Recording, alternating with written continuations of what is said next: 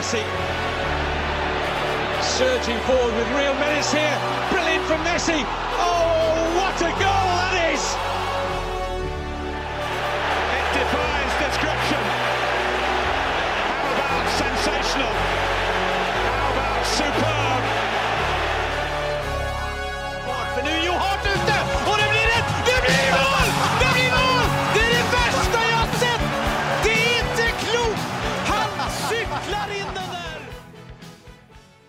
Da kan jeg ønske velkommen til episode 132 av den eh, meget barmfagre fotballpodkasten 90 minutter. Eh, nok en gang i studio sammen med Mr. Mats Granvold, Hei! Søren Dupker Hallo. og meg selv, Thomas Edvardsen. Hei, Thomas. Hei, hei, hei. I dag så tenker vi at vi skal eh, gå som vanlig igjennom Er det, ikke eh, nytt, er det ikke noe nytt i dag? Nei, det er faktisk ikke det. Det er, det er, det er, til og med en ordinær episode. Oi, oi, oi. Det er, det, det, det, beklager, altså. Men, men, vi, men, men vi, eh, vi sliter litt. Neste helg så fant vi ut at vi skal kjøre en Status Europa sånn tidlig i landslagsuka. Og så kjører vi en uordinær landslaget oppsummeringspod helt mot slutten av eh, landslagssamlinga. Det blir bra. Det er to uker til. Ja, ja. Sirkus. ja. ja. Men da, da, da, vet du, da har vi uordinær episode nummer to! Ja, Jeg rekker jo trolig å bli med på det nå, så det blir jo hyggelig. Min første uordinære. de, de første uordinære. For Søren Døpker, du har vært en tur i Tyskland. Du var ikke med i forrige episode. Nei, da var jeg bortreist. For første gang på nesten to år var jeg i utlandet og i Tyskland. Og da kan vi jo eh, dra ordet til eh, Jørgen Nystuen på Twitter, for han spør hvordan var Sørens eh, Tyskland-tur? Hvor mange kamper var du på, og hvor mange enheter drakk du? og så foreslår han at eh, 90 minutter eh, arrangerer en fellestur til eh, Tyskland i fremtiden. Ja, Det har vi jo snakka om før. Det må Ja, vi jo få til. Ja, men fellestur, da mener han med alle som vil være med, liksom? Ja, jeg tror han tenker på alle lyttere. Ja, men Det hadde vært kult, da! Hadde ikke det? Ja, for vi har ikke snakka om det før. Nei, men vi skulle jo dra på det. det- på Ja, det- men vi drar jo uansett. Ja. Så, kan, så kan jo de henge seg på. Det, det Ja, ja. det. Det er bare hyggelig, det. Ja, ja, ja. Skulle vi Men- ikke ha privatfly? Vi bok, Chartertur. har booka Haaland sin gjennom Ja, Instagram. Har, har ikke du fått noen kontakter der, du? Du er vel snart på fornavn med både Erling og Dominik?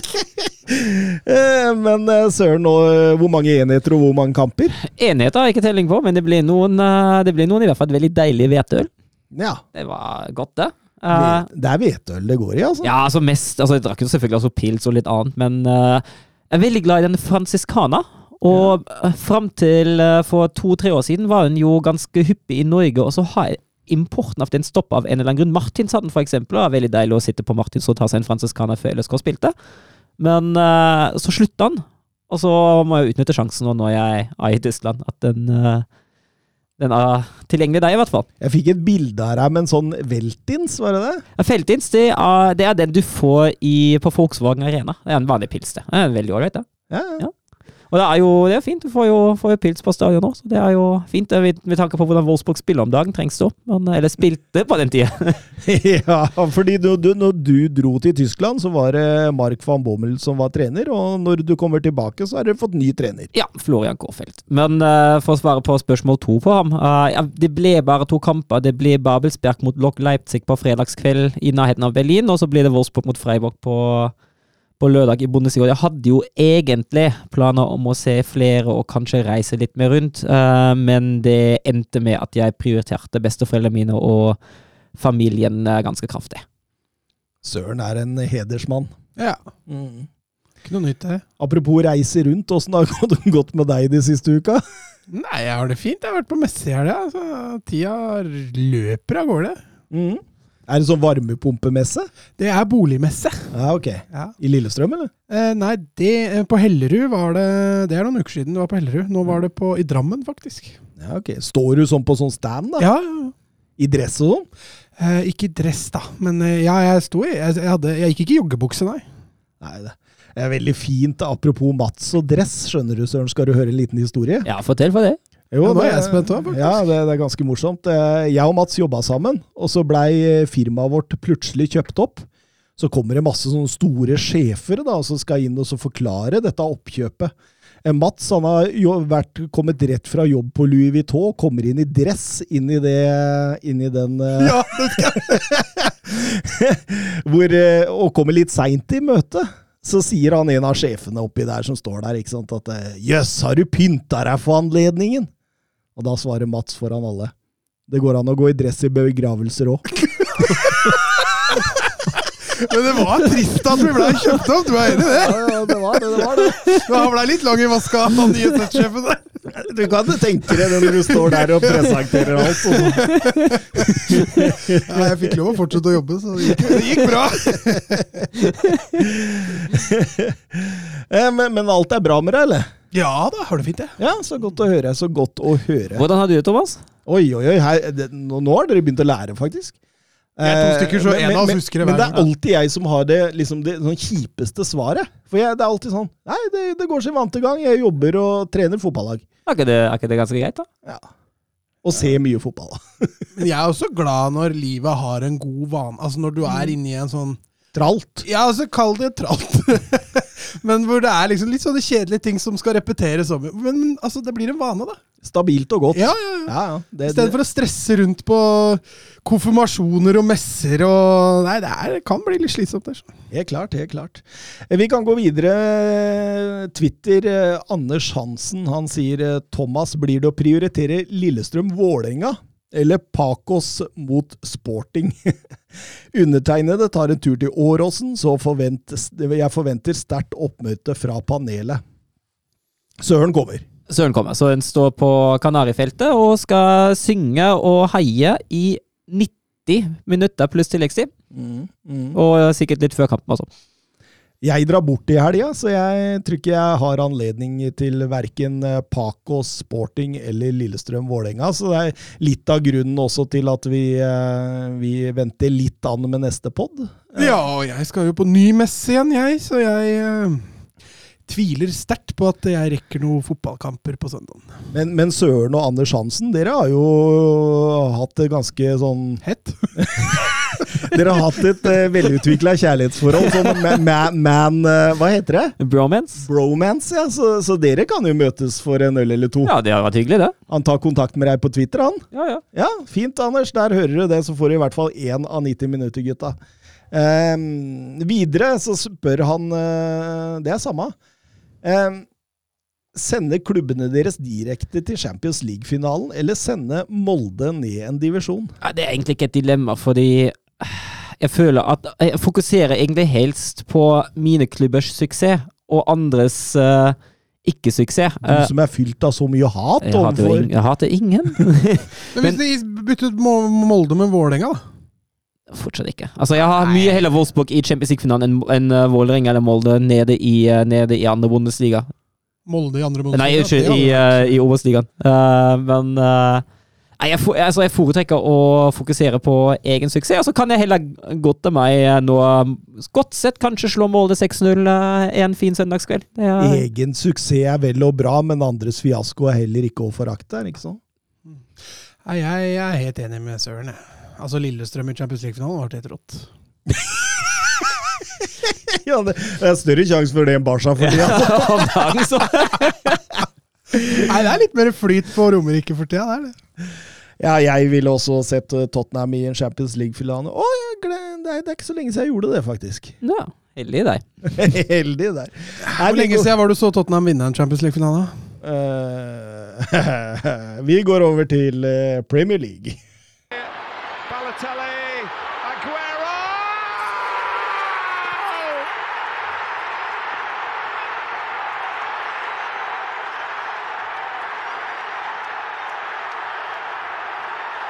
Swear you'll never see anything like this ever again. So watch it, drink it in.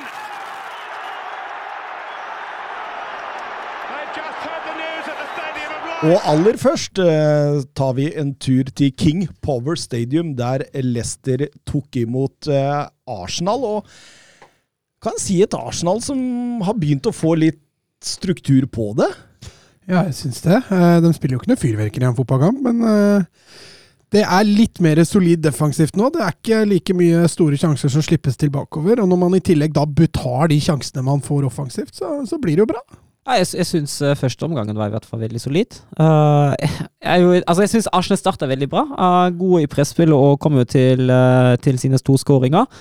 Jeg er litt enig med det Kasper Wikestad nevnte sånn halvveis inn i første omgang, at Arsenal ble litt sånn passiv, om det var da så lurt. Og man kan jo si, som du sier, Mats, at i første omgang er jo forsvars, uh, forsvarsspillet er jo veldig bra. Det er jo bare det frisparket til Medicine, og ellers er det jo ganske lite, egentlig. Men jeg, er litt, jeg syns Arsenal spiller best i den kampen når de faktisk er oppe i press, og presser litt høyere og mer aggressivt. De får jo en drømmestart på kampen. Gabriel Hedrine inn 0-1 der tidlig, og, og Emil Smith Rowe 2-0, og da har det gått bare sånn drøyt et kvarter. og det, det er klart det, men, men, men samtidig så tenker jeg så ikke, så ikke Brendan Rogers kampen Arsenal hadde mot Aston Villa, liksom. Hvor han, han dukka opp i nøyaktig samme formasjon som da Arsenal karnøfla eh, Villa. Og så bytta Dean Smith, og så blei det straks mye bedre. Og det, det, samme skjer jo egentlig her etter hvert, da. Men skal Leicester ta så mye hensyn til Arsenal på hjemmebane? Altså Det er jo åpenbart her at Leicester sliter jo med eget spill, og da kanskje justere etter motstander kan jo selvfølgelig være lurt, men da ligger du allerede under 2-0. Ja, men, men, samtidig så ser du jo at uh, Leicester uh, blir jo bedre etter uh, eh, 0-2 der. Så, så syns jeg de kommer mer inn i det, og det er liksom så stadig utover i omgangen så blir det bedre og bedre. og og, men det er jo først i annen omgang, når Rogers går over til 4-2-3-1, det begynner å, be, svinge. begynner å svinge. Ja.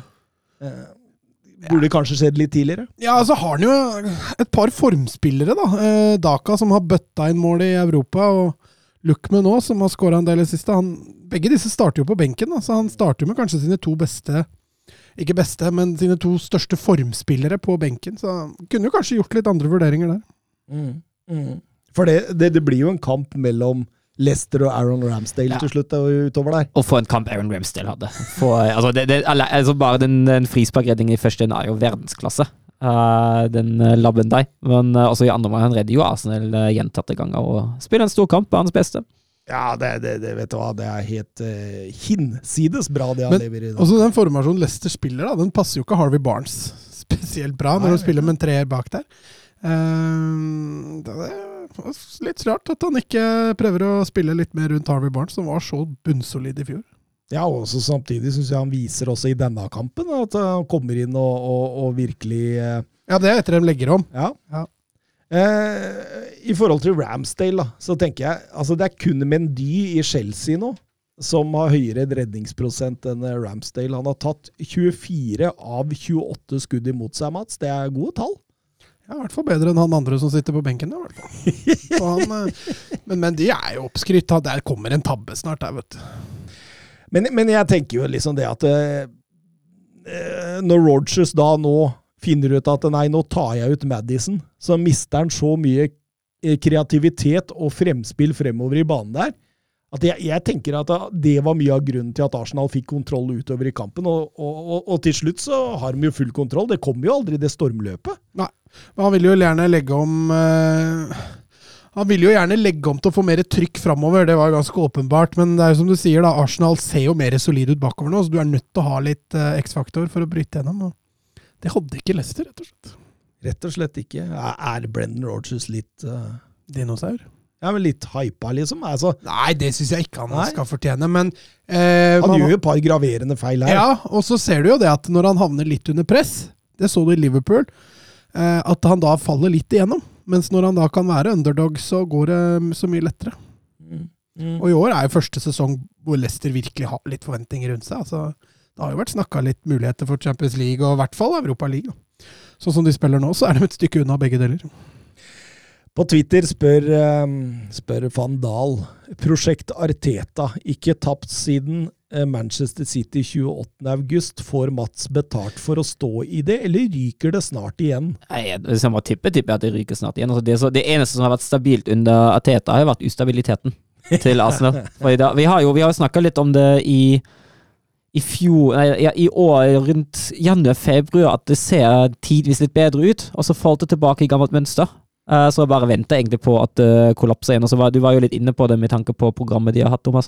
Mm.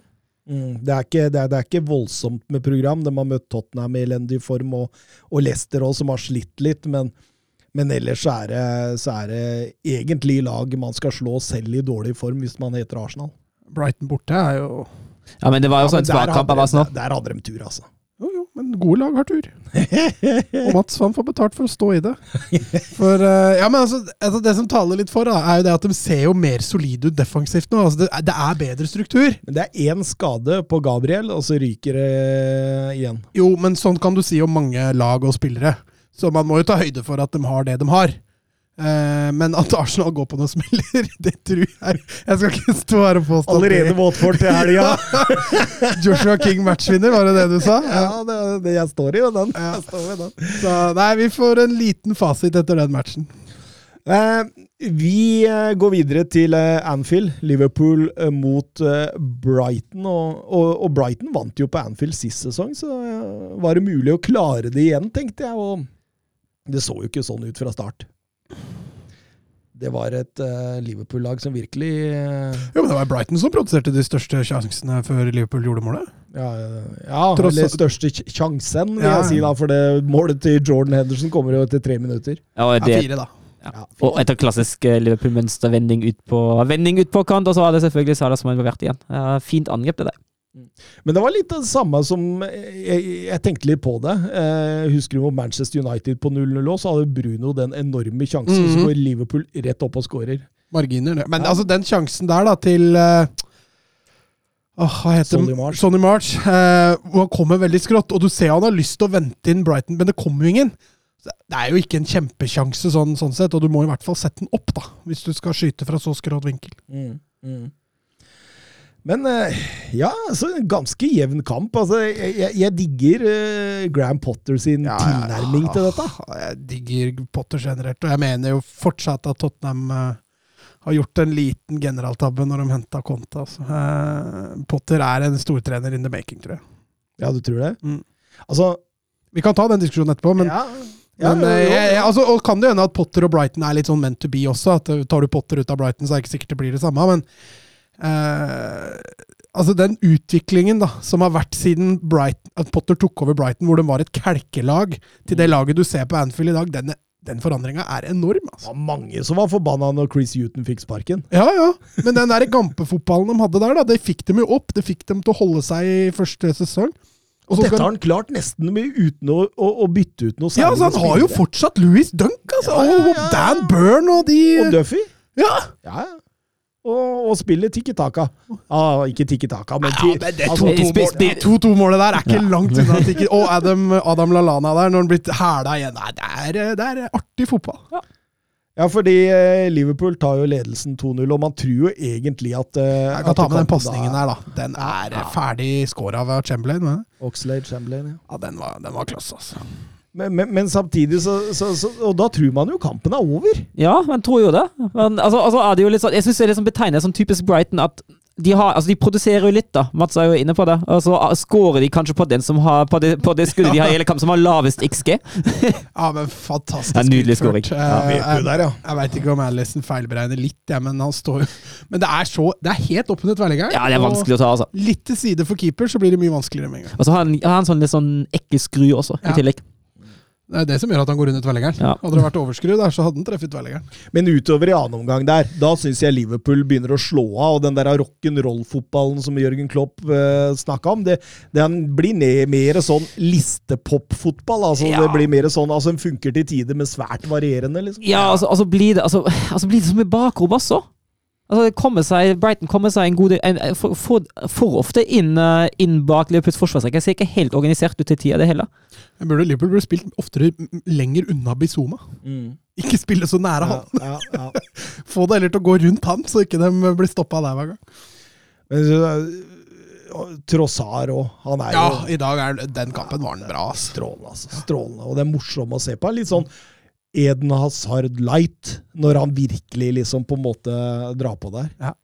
Så Jo, men det er litt mer kreativitet der. Mm. Kanskje ikke så ekstrem dribler som Hazard, men, men litt mer kreativitet. da. Så han er uh, nok en deilig belgisk fotballspiller. Robertsen lurer på hva som traff ham enda, tror jeg. Ja. Når, når han blir dratt av der og setter 2-2. og altså Svaret til Liverpool er og det kom liksom ingenting, for Brighton hadde altså, Og når du tør da å holde på ball Det er liksom litt av den der greia der, at det selv på 2-2 så Det var litt Lille- Rosenborg-Lillestrøm over det, da. Ja, du, du, du, du våger å holde ball, da! Og det, det Men er det, er det litt sånn at uh, Jeg har tenkt den tanken før, og kanskje også i den kampen, da, at Klopp og in game-endringer Det er ikke hans største styrke, Nei, altså. det er, det er veldig plan A, plan Ja. A, plan A og litt uh, annen halv. Jo, men han kan, han er, kan være flink til å bytte spillere Jo, i, jo, jo. internt i Men han endrer, han endrer Ja, ikke stilen også. Hvis ting ikke fungerer. Altså, Han fikk jo bra betalt. Hvem var det når de sleit sånn i første gang? kom de ut i- Det var City. Ja. Men da er det jo liksom Det er litt samme, bare at han gjør litt justeringer, bare. Absolutt. Og, og, og liksom, altså Fra 70 til 80 minutter der, så tror jeg på 2-2 på Anfield så har Brighton oppe i 70% possession. Altså. 70 Mm. Det, er, det, det er imponerende, altså. Det er imponerende. På Enfield. Og, og, og det blir jo 2-2 her, og Oskar Carveio Holman skriver eh, til oss på Twitter sykt imponert over Brighton, egentlig. En skikkelig hyllest til Potter på sin plass. Beste manager med engelsk pass? Spørsmålstegn. Ja, det vil jeg da si. Jeg kommer, ikke på, jeg kommer på ingen andre engelskmenn som er bedre enn Potter. Jo da, Steve Bruce. Nei, altså, jeg, jeg tenkte Nei, på det. Brendan Rogers regnes kanskje ikke som Nei, han er nordirsk. Men, men uh, når, jeg, når jeg sjekka opp dette spørsmålet her, så kom jeg på at det er ikke så mange bra engelske trenere. Nei, det er mange engelske trenere, Ja, men det er ikke så mange av dem som er så veldig bra. Nei, altså Du har noen spennende i Lampard, Gerrard, Scott Parker, den gjengen der, som liksom kan utvikle seg til å bli bra Ja, trenere. Gerard Gerrard gjorde det jo veldig bra i Rangers, det Ja. skal man si. Ja, absolutt. En Chris Wilder og det han gjorde med Sheffield United, det er jo på høyde med det Ja. Potter eh, driver med nå. Mm. Eh, Dean Smith har gjort det bra med Villa over tid. Han skal ha det. og, og selv om jeg veit Søren hater Southgate, så, uh, Hater ingen, men jeg syns han er oppskrytt. så, så har han gjort det brukbart med det engelske landslaget. Det er jo ingen som kan ta fra han det. Så Men hadde de hatt noen andre, da, så kunne England både vært e- europamester og verdensmester. Ja, det er det- det- det, det kan være så, det kan være så. Men, men, men for meg så er jo Potter også den klart beste engelske Altså, han er lagbygger.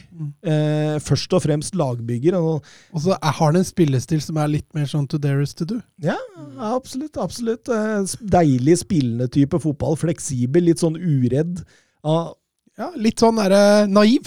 ja Tidvis naiv. tidvis naiv. Og, og, og eh, det han gjorde i Østersund også, Europa League der, det greiene der, det er jo, det er jo helt enormt, faktisk. Mm. Så, så en hyllest til Graham Potter, Englands eh, beste manager der. Eh, vi kan gå videre til eh, Manchester City mot Crystal Palace. Og, og nok en skrell, Søren Døpke! Ja, nok en skrell. Uh, Saha tar jo, sender jo tidlig i delelse, og man, man sitter jo og tenker altså, de, så, City har ballen, og City setter masse spillere inn i boksen, og nok en gang, hvis City bare hadde, hadde hatt en toppspiss Hvis City bare hadde hatt en spiss som, uh, som man kunne bruke i sånne situasjoner. Men slås det høye innlegg eh, mot Jesus, eh, mot de høye Pelles-stoppene som Pelles egentlig ofte har veldig god kontroll på, så blir det litt sånn det blir, da. Men uh, Patrick Vieira kan sende en stor blomsterbukett i Emerick Laporte. her.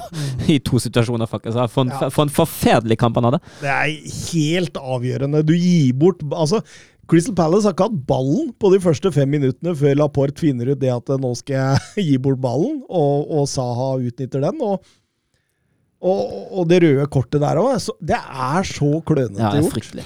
Men han, jeg tror Laporte tenker at her er jeg så langt ute på banen at dommeren tør ikke å ta det røde kortet. Syns det er modig av dommeren å ta, for han er jo aleine med keeper. Han blir fratatt en åpenbar skåringsmulighet med at motstanderen med bevisst saboterer spillet. Jeg syns det røde kortet er helt greit. Ja, jeg syns også det er helt enig. Og, og det blir voldsom fyring der. Da. Du ser at City-spillere er ganske irriterte på Sa også. Sa, som du har vært inne på, han kan jo erte på seg hva som helst, egentlig. Men, Ja, det kan Christian Romero òg, faktisk.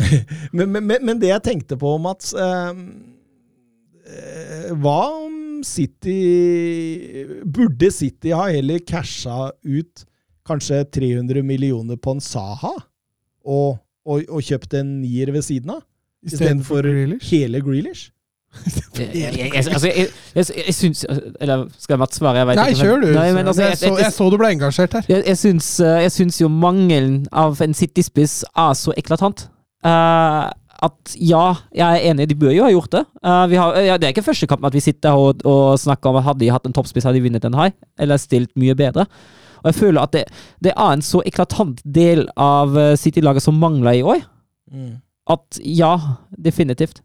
For jeg tror jeg tror det er det, Altså, de hadde gjort en så ekstrem forskjell. Uh, og så føler jeg ikke at Grealish altså, Ja, Grealish er en eh, klassespiller for alle, men han har jo Han har ikke økt eh, kvaliteten til det City-laget noe innmari voldsomt. Ikke i det hele tatt. Jeg syns litt motsatt. Ja, fordi altså, i, i, I Aston Villa så syns jeg han var mye mer direkte fremoverretta og offensiv i tankegangen sin, men nå syns jeg han my står mye mer på ball. Tråkker mer på ball. og og, og, og, det er klart det at det veldig ofte da, så, så bremser han litt disse innløpa i boks, sånn at det, det blir noe gærent med rytmen der hele veien. Så, så, så Grealish må tilbake på det der Aston Villa-kjøret sitt og være mye mer direkte hvis det der her skal eh, funke. altså. Ja, Men eh, nå kan det hende at han får beskjed om å være sånn, da. Ja, og, da, og, og det, det vi jo altså, Husker du Steve McManaman i Liverpool, i den der gode årgangen, hvor han Mm. Alltid sto og tråkka og tråkka og tråkka på ball og, og, og mm, på en måte dro angrepa ut? Eh, det minner meg litt. altså Det er en litt sånn Steve McManaman light. og jeg, Hvis han får beskjed om dette, da, da det, det, det kan jeg ikke fatte og begripe. altså. Nei, men altså, Det handler jo litt om å få med seg spill. Altså, Aston Villa sitt angrepsspill baserte seg en del på kontringer. Det er jo ikke like mye basert i City sitt spill. Så det handler litt om å få med folk i angrep. Og Grealish er jo en strålende ballspiller. Vanskelig å ta fra ball og det der. Så Nei, jeg er enig med deg så langt. Altså, han plukka jo langt flere poeng enn Aston Villa på denne tida i fjor. Altså målpoeng. Absolutt. Um, annen omgang der City har en del ball, skaper overraskende lite, egentlig. Det er, det, det er nesten ingenting. Og, og de klarer ikke å ta si Crystal Palace i ubalanse de få gangene de har flytta opp heller. Så, um, og det, det er ikke noe å si på at Conor Gallagher gjør 2-0 der mot slutten. Nei, ikke det hele. Eh, Pelles hadde jo noen lovende overgangsmuligheter også. Ja, Gallagher kunne jo fort ha skåret før han skåret, holdt jeg på å si. Så. Når, eh, når kampen blei som han blei, så er det egentlig greit at Palace fikk den 2-0 på slutten der. Det var de som hadde mest sprut i beina. Absolutt. Først og fremst defensive Palace da, som vinner denne kampen. her. Eh, Strålende gjort av midtstopperpar Andersen og Guhei der, som, som rydder godt i boks. Og, men det, det er vel kanskje som Søren snakker om, at det, det er vel ikke noen i enden av disse innlegga veldig ofte. og Da blir det noen ganger, i hvert fall når denne rytmen altså de, de, altså de sliter så i rytmen offensivt innimellom. da, og når de gjør, altså Du har sett City gjøre dette i 20 minutter før, og så har de funnet ut av det til slutt. ikke sant? Og så plutselig har det vært 35 minutter der. Og det har vært litt sånn, men gjennom hele denne kampen, og det hjalp jo ikke med Laportes røde kort, så Nei, det, det, det så, så, så veldig tynt ut, men samtidig så veit du jo hva som bor i dem. så det, det Ja, nei, De slår jo tilbake igjen, selvfølgelig. Men det er jo som Søren sier, da, det skal bli spennende å se skal bli spennende å se um, hvordan de slår tilbake igjen nå. Ja, hvor For nå er det vel United i neste kamp. ja, Så. og hvor mye det koster dem å ikke ha den spissen. Mm. Potensielt koster det jo seriegullet. Potensielt. Potensielt. Eh, et annet lag som er på jakt etter seriegull, det er eh, Chelsea, som eh, måtte en tur til nyrike Newcastle. Kan, kan vi kalle den for Oil Classico? Oil Classico, den Oil var fin. Den var fin. Kommer til El Sakiko etterpå. Eh, men men har fortsatt ikke skjedd noe der. Går noe uh, Unai Emery-rykter nå. Som Ja, det så jeg. Good evening. Good evening tilbake igjen. Jeg tror det er en god manager å starte dette prosjektet med, eller? Ja, altså, han øh, kan jo helt klart bygge lag, han. Det så man jo med Villarreal i fjor, det. Femteplass i serien og, og øh, Europaliga-tittel, så Men øh, altså, det Newcastle viser nå altså, det, skal noe, det skal noe spesielt inn der altså, for å få dette på rett kjøl. Altså føler jeg, altså Hvis du vil ha dem helt på topp, er jo ikke Emery den, eh, den beste løsningen etter hvert. Han, eh, det- det- det- han, får, han får dem jo opp et nivå, absolutt. Ja, og, eller flere. steg, Ja, ja, det er enig i det. Ja. Må ta dette i steg, og, og det kan være en god start, eh, manager, eh, tenker jeg. Men Altså, Først og fremst må jo Newcastle bare overleve. Ja, og det kan bli tøft. Ja, altså de, de må finne på noe, både managerfronten og, og i vinduet i januar her. fordi det, det laget her også er tynn suppe. Så ser du bort fra Sant Maxime og kanskje en, en, en Callum Wilson der, så er det, det er tynt, altså. Ja, fryktelig tynt. og selv om de holder ut en liten stund da mot Chelsea, så, så sitter de jo bare og venter. Ja, det er jo bare tidsspørsmål før bomba går av. Og så satt jeg og te- når jeg så den kampen, så, så tok jeg meg sjøl i å tenke på Tenk dette laget her nå, liksom. Lag et bilde av dette laget her med Kraft og Clark og Darlow og Longstaff og Ritchie og Hayden og sånn. Og så, og så tenker man på det laget, og så ser man liksom sånn tre år fremover i den krystallkula. Og så ser liksom Det, det vil sikkert være helt, sånn helt utenkelig om, om tre år. At dette er her mønstra Newcastle da. Fordi det er, Og tapte fortjent 3-0 mot Chelsea. det er meget fortjent, men det, det er jo en høyreback her, da, som Eh, Reece James, ja. ja altså, altså det, vi har snakka om det før. Vi snakka, veldig mye om Alonso og Chilwell som skåra, men Chelsea generelt altså Det Torhild gjør å få vingbekkene sine i avslutningsposisjoner gang på gang på gang, Mm. det er sterkt, altså. Ja, Den andre gålen der får han jo litt i fanget, da, men den første gålen her, det er jo klasse. pur klasse. Altså. mm, mm, Helt klart. Eh, James gjør både 0-1 og 0-2 før, eh, før eh, Chelsea får et straffespark der som Jorginho setter, og da begynner folk å forlate St. James' Park. Skal, skal vi nevne Hakim Werner Ziyech også, eller? Hakim Werner sier Den gigabommen han hadde der. Ja, det, det, det. det, det er liksom gøy når du så kampen og så bare Ja, fader, de har jo Siert òg, ja! det er det er et spinnvill, den stallen de har. Ja, det er- litt motsatt av Newcastle. Da. Så det, så, så, Faen, hvem er det de setter inn på nå?! Og det blir jo selvfølgelig en tra transportetappe der etter at eh, etter Jorginho setter um, 0-3 der. Men, men det var jo tre mål på 16 minutter der. da. Det var 16 minutter hvor Newcastle ikke klarte å holde stand. Det gikk eh, fort der, men Newcastle hadde, hadde dem en sjanse. Nei, de hadde ikke det. De, de, de fikk etter hvert utover i annen omgang, så fikk de satt opp Sant Maximæ, som var helt borte i første omgang. Fikk satt den opp i noen sånne gode sånne Én mot én. Ja. Her, her kan det bli noe. Men, men så, er, så, så finner de ut at han er aleine mot halve Chelsea, ikke sant? og det, det, det går jo ikke til slutt. ikke sant? Så det, det, var jo fullt, fullt fortjent uh, Chelsea-seier der. Og, og Tuchel han har nå vunnet 10 av 14 Premier League-kamper borte. Kun ett tap. Det er kun Gus Hiddik og José Mourinho som har behøvd færre bortekamper for å nå ti seire. I Chelsea, altså. Det er, det er imponerende greier. Kan ta med seg det. Han kan ta med seg det. Vi går videre til El Sakiko. Ja. Er det hovedkamp, eller? Det er hovedkampen. Ja. Har du ikke fått med deg det? Jo, jeg skulle bare gni det inn. Da? Det, den blir tung å gå igjennom. Eh, Men, eh, men, Men, på, men nå er det Du er Ja. litt lystig nå? Ja, ja, fordi altså Jeg sier som han, han der er Jonis, vet du. Han der er, ja. ja. ja, Han er jo Tottenham-supporter. Han sa jo det at uh, i går kveld på TV 2 at hvis, uh, hvis uh, dette ender med Conte, så skal jeg sende takkebrev til Ole Gunnar Solskjær. Fordi utfallet av dette ble jo ganske bra, føler jeg, ifølge i hvert fall jeg. da. Jeg føler liksom Tottenham vant kampen. Jeg, det, det Fordi blir United må sitte igjen med Solskjær. Og det, Så- I stedet for at United fikk konto. Så, ja, ja, Ja. jeg ser det. det ble en ekte El går, i hvert fall. Ja, det, det blei det. Um, lagene har møtt hverandre hele 195 ganger siden første oppgjør 28.1.1899, som endte 1-1 i FA-cupen. United har historisk sett god, godt tak på Tottenham med 93 seire mot 53.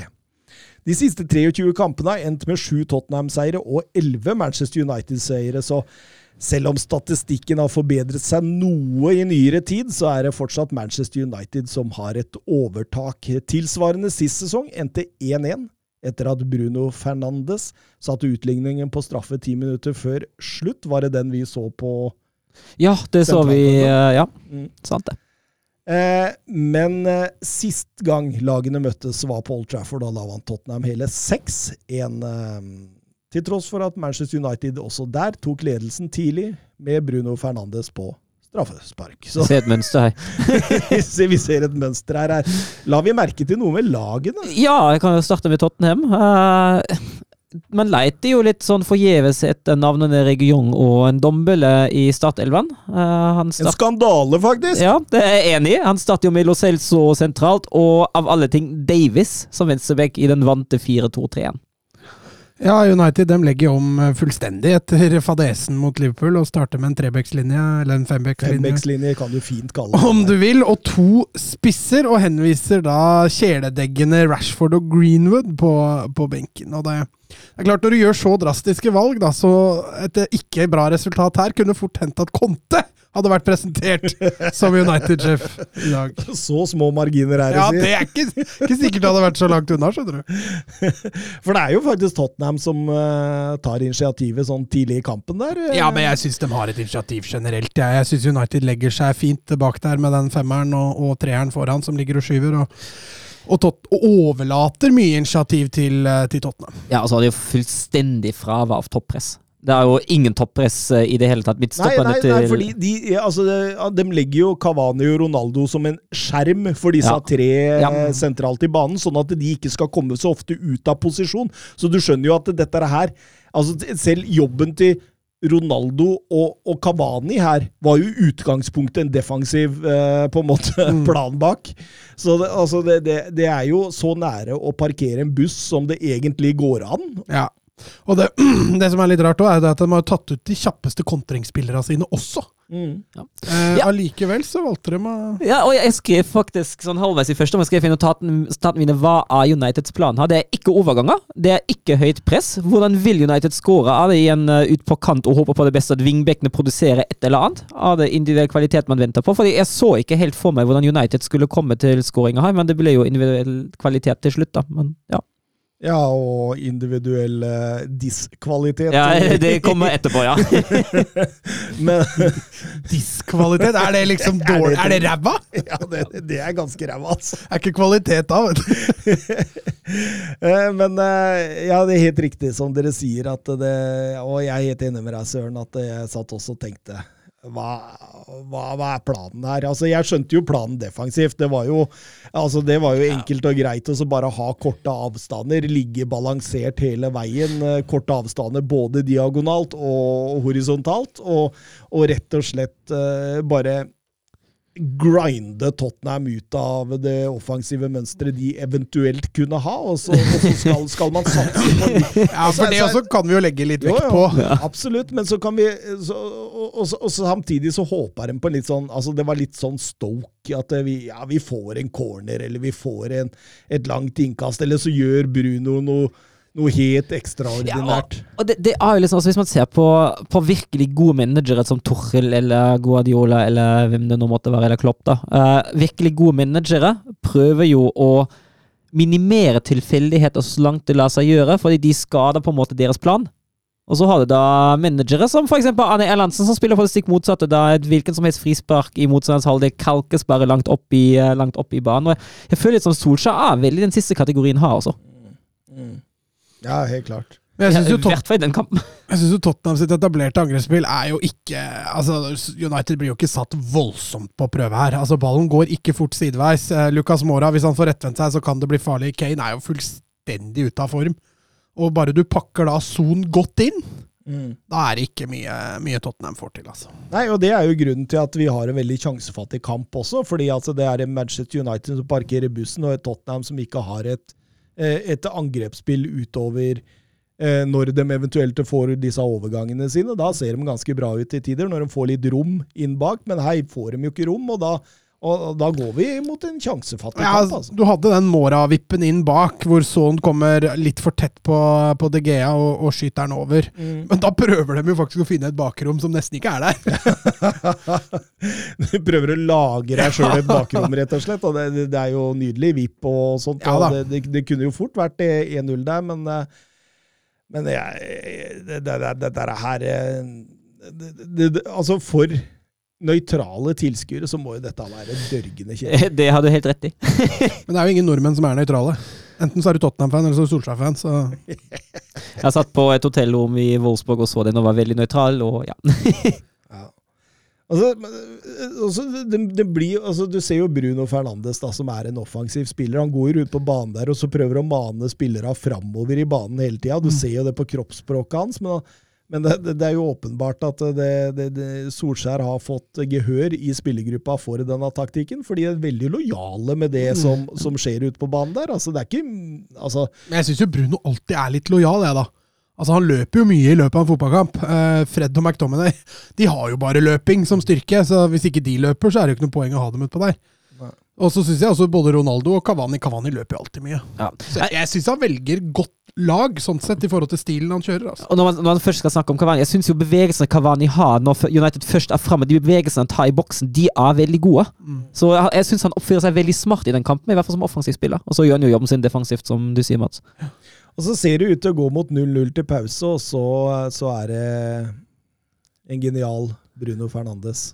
Det var jo det som Ja, United trengte. eh, Ronaldo lurer seg inn bak ryggen der, og så eh, Den avslutningen er jo Det er bare å ta seg hatten for den. Så var det jo ikke noe overraskende da, at det er Ben Davies der som er den eneste som hadde en Fryktelig dårlig kamp. ja. Og der, er det, altså, der skal han bare ligge i linja Romero setter, og så er Ronaldo offside. Så enkelt og greit er det, liksom. Men han henger bak der, og Ja, Tottenham svar på Wambisaka defensivt. Ja, altså, det, det, det, altså det, Jeg kunne heller tatt Wambisaka, Bissaka, faktisk. Han gjør jo Det faktisk hadde jeg en, gjort han gjør jo faktisk en ålreit kamp. Van Bissaka. Ja, i defensivt, ja. Ja. Offensivt, så Nei, det er det jo faen gang. men, men så får jo Tottenham en, egentlig en veldig stor sjanse rett før eh, pause der. Eh, Romero som eh, Som eh, Skårer? altså, Ja, han skårer vel kanskje. Eh, Nei, det var, det var etter 28 at han, at han ble annullert. Du tenker på den annullerte skåringa, eller tenker du den rett før jeg tenker på den rett før pause, Det- hvor, Davis hvor. Davis stjeler den foran uh, hodet på han. Altså, der Ja.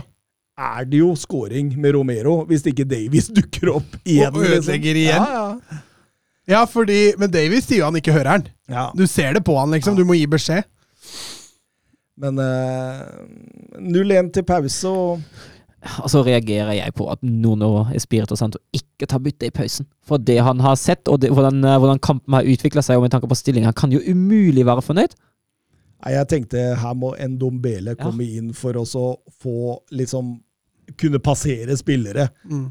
Og her må han jo ta ut Davies. Han bør ikke sette inn på noen. Han kan bare ta ut Davies. Det ville hjelpa. Ja, faktisk. Hadde vært greit med en Regulon inne. Jo, jo, når du først har Regulon tilgjengelig, så kan du jo sette den innpå, selvfølgelig. Jeg skjønner ikke hva Nuno tenkte på der. Ronaldo setter eh, 0-2 eh, rett etter pause der. eh, Ikke Ronaldo. for offside. Å ja, du tenker på den, ja. Ja. Eh, og, og, og da syns jeg Tottenham også slurver voldsomt i oppspillsfasen og får på seg en del av disse brudda, og da, da lukter det ikke godt på, på Tottenham Hotspur Stadium der, altså. Lukter ikke godt da? Nei, da, da lukter det tap. Å ja, sånn ja. Ja. Ja, det lukter jo ikke godt, nei. Nei, det er jeg enig i. Nei, det så litt skummelt ut da. Eh, Det gikk jo ikke så lang tid før 2-0 faktisk satt, og, United fikk litt puste, pusterom. Kan jo nevne at det byttet Nuno der velger å gjøre ti minutter inn i omgangen. Det forstår jeg også lite av. Mora? Ja, nei, altså, altså at han tar av må- Fair enough, men eh, Bergwijn Ja, Altså, du- du- i det, du i det kampbildet De har jo null rom. Du, Altså, kan, du kan ikke ta ut Mora der, heller. Han, Nei han er formspilleren i det laget offensivt. Er det der de synger Nuno out? ja. Tottenham-fansen? Eh, vi får et spørsmål om det faktisk fra Petter Støvland. Tror dere Nuno forsto han var ferdig da reaksjonene på å bytte Mora Bergveien kom, kom fra tribunen og begynte å synge Nuno out? De sang jo også det at eh, du veit ikke hva du driver med. Ja, det, det kan jeg forstå. sånn. Det byttet der, det forstår jeg virkelig ingenting av. Men jeg jeg tenkte jo altså, kanskje til satt han og tenkte nå får dere se, nå kommer Bjerkveien til å snu det hele Men, men Bergveien har jo vært en big match player for Tottenham, da. Ja, men altså, i det kampbildet da Ja, ja, funker jo ikke i det hele tatt. Helt enig, helt enig i at det, det, det er ikke kampbildet for Som, den, men som en trener så må du spille spillerne dine gode, da. Å dytte Bergwijn inn der, det eh, tror jeg ikke hjalp verken han eller fansen Nei, eller og- karrieren hans. Og så er det jo det at Mora er jo en mye mindre bakromsspiller enn Mm. Bergwijn. Så du bytter på en måte en som trenger enda mer bakrom, mot en som faktisk kan passere litt og, og, og, og røre i gryta sjøl. Det, det der byttet der, jeg, jeg forstår ingenting av det sjøl. Eller jeg, jeg blei helt sjokkert, faktisk. Helt sjokkert. Men han ville vel ha inn på Bergwijn, og han ville i hvert fall ikke ta ut Son eller Kane. Nei, ikke sant. Og Mora er liksom der, eh, lett å ta ut, tenker Jeg vet ikke hvorfor han ville inn Bergwijn? Altså, nei, vet du hva. Men uh, likevel da, så blir det jo et visst Tottenham-press der. Den presser jo liksom United litt bakover i banen. Uh, eller United legger seg sjøl bakover i banen etter alt ettersom du, ser- du ser det. Og, og, og de får, får samtidig litt mer fart i ballen og kommer seg rundt to mot én et par ganger der og sånt, men, men eh, det, det er som du sier, altså, det handler om de bevegelsene i boks der òg. Altså, veldig lett for Varan å bare Ja, altså, du ser Når det først kommer noe innlegg, da, så ligger det gjerne to-tre United-spillere foran første Tottenham-spiller. Og Da er det ikke lett å finne de bevegelsene. Og det er nok et tegn på at Kane er ikke i form. altså han... Klart, Du kan jo skylde også på innlegget at de ikke er i nærheten av å treffe en Tottenham-spiller, men det handler litt, er det, er det gode innløp i boks, så er det lettere å slå innlegg òg. Og Istedenfor 1-1 da, så setter Kavani 0-2. Ja, det er signert eh, Oliver Skip, som uh, mister ballen til Fernandes. Fernandes som faktisk er arkitekten bak to mål. Han spiller videre til Ronaldo, og Ronaldo spiller gjennom Cavani. Det er bra gjort. det er Bra bevegelse av Kavani. og Godt oppfatta av Ronaldo. Taper ball der, Skip. Blir tre mot tre før han selger seg en gang til der. Ganske lett i Ronaldo. Og da setter han eh, lagkompisene Dyer og Romero i en tre mot to-situasjon, og det det, det, det, det, fryktelig. Ja, det er vanskelig. Det er vanskelig. Eh, Ronaldo er dermed den eldste spiller med både mål og assist i Premier League siden Drogba i desember 2014. Og det sjuke, da, nå skal du høre, det er at Drogba var 36 år og 267 dager da han gjorde det. Det er nøyaktig like gammel som Ronaldo var da han gjorde det nå. Altså på dagen. Ja. Og begge var mot Tottenham. Ja, så ja. De deler rekorden, altså. Ja. Ok. Er det sjukt, eller? ja det, er, det er jo morsomt. Eller ikke for Tottenham-supporter, da, men eh, Eh, og dette var tolvte gang Ronaldo har både mål og assist i Premier League. Eh, tre av de tolv er mot Tottenham. Og det var hans ellevte mål mot Tottenham. Mest av samtlige i så, så du sier at alle Tottenham-supporterne burde ha gråtet da Ronaldo blir klar for United igjen? Ja, det, han, er, han er i hvert fall ikke noe god, god spiller å, Å møte. å møte for Tottenham, nei. Men eh, da bytter han jo ut Ronaldo og setter inn Rashford, og det, det er jo et uh, bra bytte, det. Ja, og tøft. Ja. At han tør å gjøre det. Jeg tar jo ut både Cavani og Ronaldo. Nei, Cavani tar han ikke ut. Fernandes og Ronaldo tar han ut. Tøffe bytter. 2-0 er fortsatt egentlig ikke avgjort, eh, men da får han inn hurtighet. Mm. eh, Og det er et godt tidspunkt å gjøre det på. Samtidig som jeg tror han følte de hadde kontroll. Ja, og det hadde de jo. Altså, det- Tottenham skaper jo ingen verdens ingen omgang. Nei, det gjør ikke det. Marcus Rashford setter 3-0 der. eh, Ja, det er det Romero og Emerson driver med der? Har de bytta plass? Og Emerson følger jo ikke med! Nei, men det, det, det- det, det får man bare sette på kontoen for litt sånn Gidda laus. ja, oppgitthet, eh, ferdig med kampen eh, nå. Jeg tror ikke de Det, så, det ser jo fryktelig dumt ut. da Plutselig står Romero som høyrebekk og Emerson som stopper. Ja, altså, Presset presse på Valfur er altså helt fraværende. Det kommer i tillegg, da. Ja, ja, Men når Matic er en arkitekt, da har ikke motstanderlagene dine gjort eh, hjemmeleksa si. Altså. men, men jeg satt og tenkte under matchen Dette er jo Ole Gunnar Solskjær back to basic, egentlig. Altså Ja. versjon 2019. Men jeg tenker jo han bør gjøre det nå. Få på plass det defensive. Det er jo der hele Alt trykker. så, og- så du tror han fortsetter i dette sporet nå? Med Ja, mot, Mot- mot City, definitivt. Mot City og Atalanta, ja. ja, ja, Det tror jeg han gjør. Kult, kult, kult. Uh, en trebekslinje der. Jeg tror han fikk en del gode svar, også, men han settes jo i en helt annen knipe, da, fordi Sancho har jo ingen plass lenger. Nei. Og det samme kan man kanskje si om Rashford òg. Ja, Hvis han ikke vil ha Rashford opp som kontringsspiss, da. Jo, sånn som han avslutta kampen, så, Ja. så fungerer han bra, men vi har sett han i en nierrolle mange ganger før, og det har ikke fungert. Nei, jeg Men vi har ikke sett han i tospann med noen, så det Ja. kan jo hende at det funker. Og så er det jo veldig spennende å se hvordan Aron Van Bissaka skal løse denne wingback-rollen. og- Defensivt er jo glimrende. Ja, må offensivt. Nei, ja, men det er konstant. De skal tette igjen bak nå. Offensivt er ikke så Og, farlig. og, og ikke sant, det er nettopp dette. Det er Manchester United. Brukt Mm. milliarder av kroner. En av de mest mektige klubbene i hele verden. Og så skal vi tette igjen bak. I, i, i en sesong hvor det var meninga at nå skal det bli ja. silverware, liksom. Nå, nå forventer man pokaler. Jo, jo, men de er tre poeng bak City. Slår dem Ja, men du har ikke tro på at dette laget her Altså, jeg tror at eh, hvis Conte får i gang Tottenham nå, så kan det bli utafor topp fire for Manchester United. Altså. Ja, Det har jeg allerede sagt at det kan bli. jeg, da. Ja, Men nå antyda du noe seriegull og noe greier? Nei, ja, ja. To seriegull tar de denne sesongen, faktisk. Resultattipset var det kun Mats som fikk poeng. Ja, Du tippa Manchester United. og Jeg tenkte det er jo gale-Mathias å Ja, gjøre, men, egentlig. nei, Samme hvem du tipper som vinner her, er Gale-Mathias. Ja, for det, det er for jeg tippa Så uavgjort. Søren, Søren var eneste fornuftige person som tippa uavgjort. Eh, banens beste, da? Eh, Søren henter fram notatene sine igjen. Mats, du er mer på sparket. Ja, altså, den, den er ikke så lett, for det var ikke så mange som skilte seg noe sånn voldsomt ut. Men jeg gir tre poeng til Varan. Ja. Altså, den comebacket han har der, det, det er ganske bra. Han, han har full kontroll bak der. Styrer Lindeløf og Magu Maguire ser plutselig ut som en fotballspiller igjen, bare fordi han får Varan ved siden av seg. Så den, den, den skal han få for. Eh, og så blir det vanskelig. Men jeg har satt Bruno på to. Den assisten han har der, er, er strålende. Også, han er jo også startmann på, på 2-0. Én stjerne, den kan egentlig bare hvem som helst få, så jeg gir den til Ben Dave. Nei da, det gjør jeg ikke. Eh, jeg gir den til Kavani. Cavani. Cavani. Jeg hadde lyst til å ta de samme tre i rekkefølge, men jeg føler ikke at jeg kan det, så jeg gir én til Ronaldo istedenfor Cavani. Jeg har Varan på tre. Eh, Jeg har Lindeløf på to, og jeg har Cavani på ett. Eh, Romero han sto lenge på ett poeng fram til 3-0. ja, han var faktisk den eneste Tottenham-spilleren som i det hele tatt var med i vurderinga der.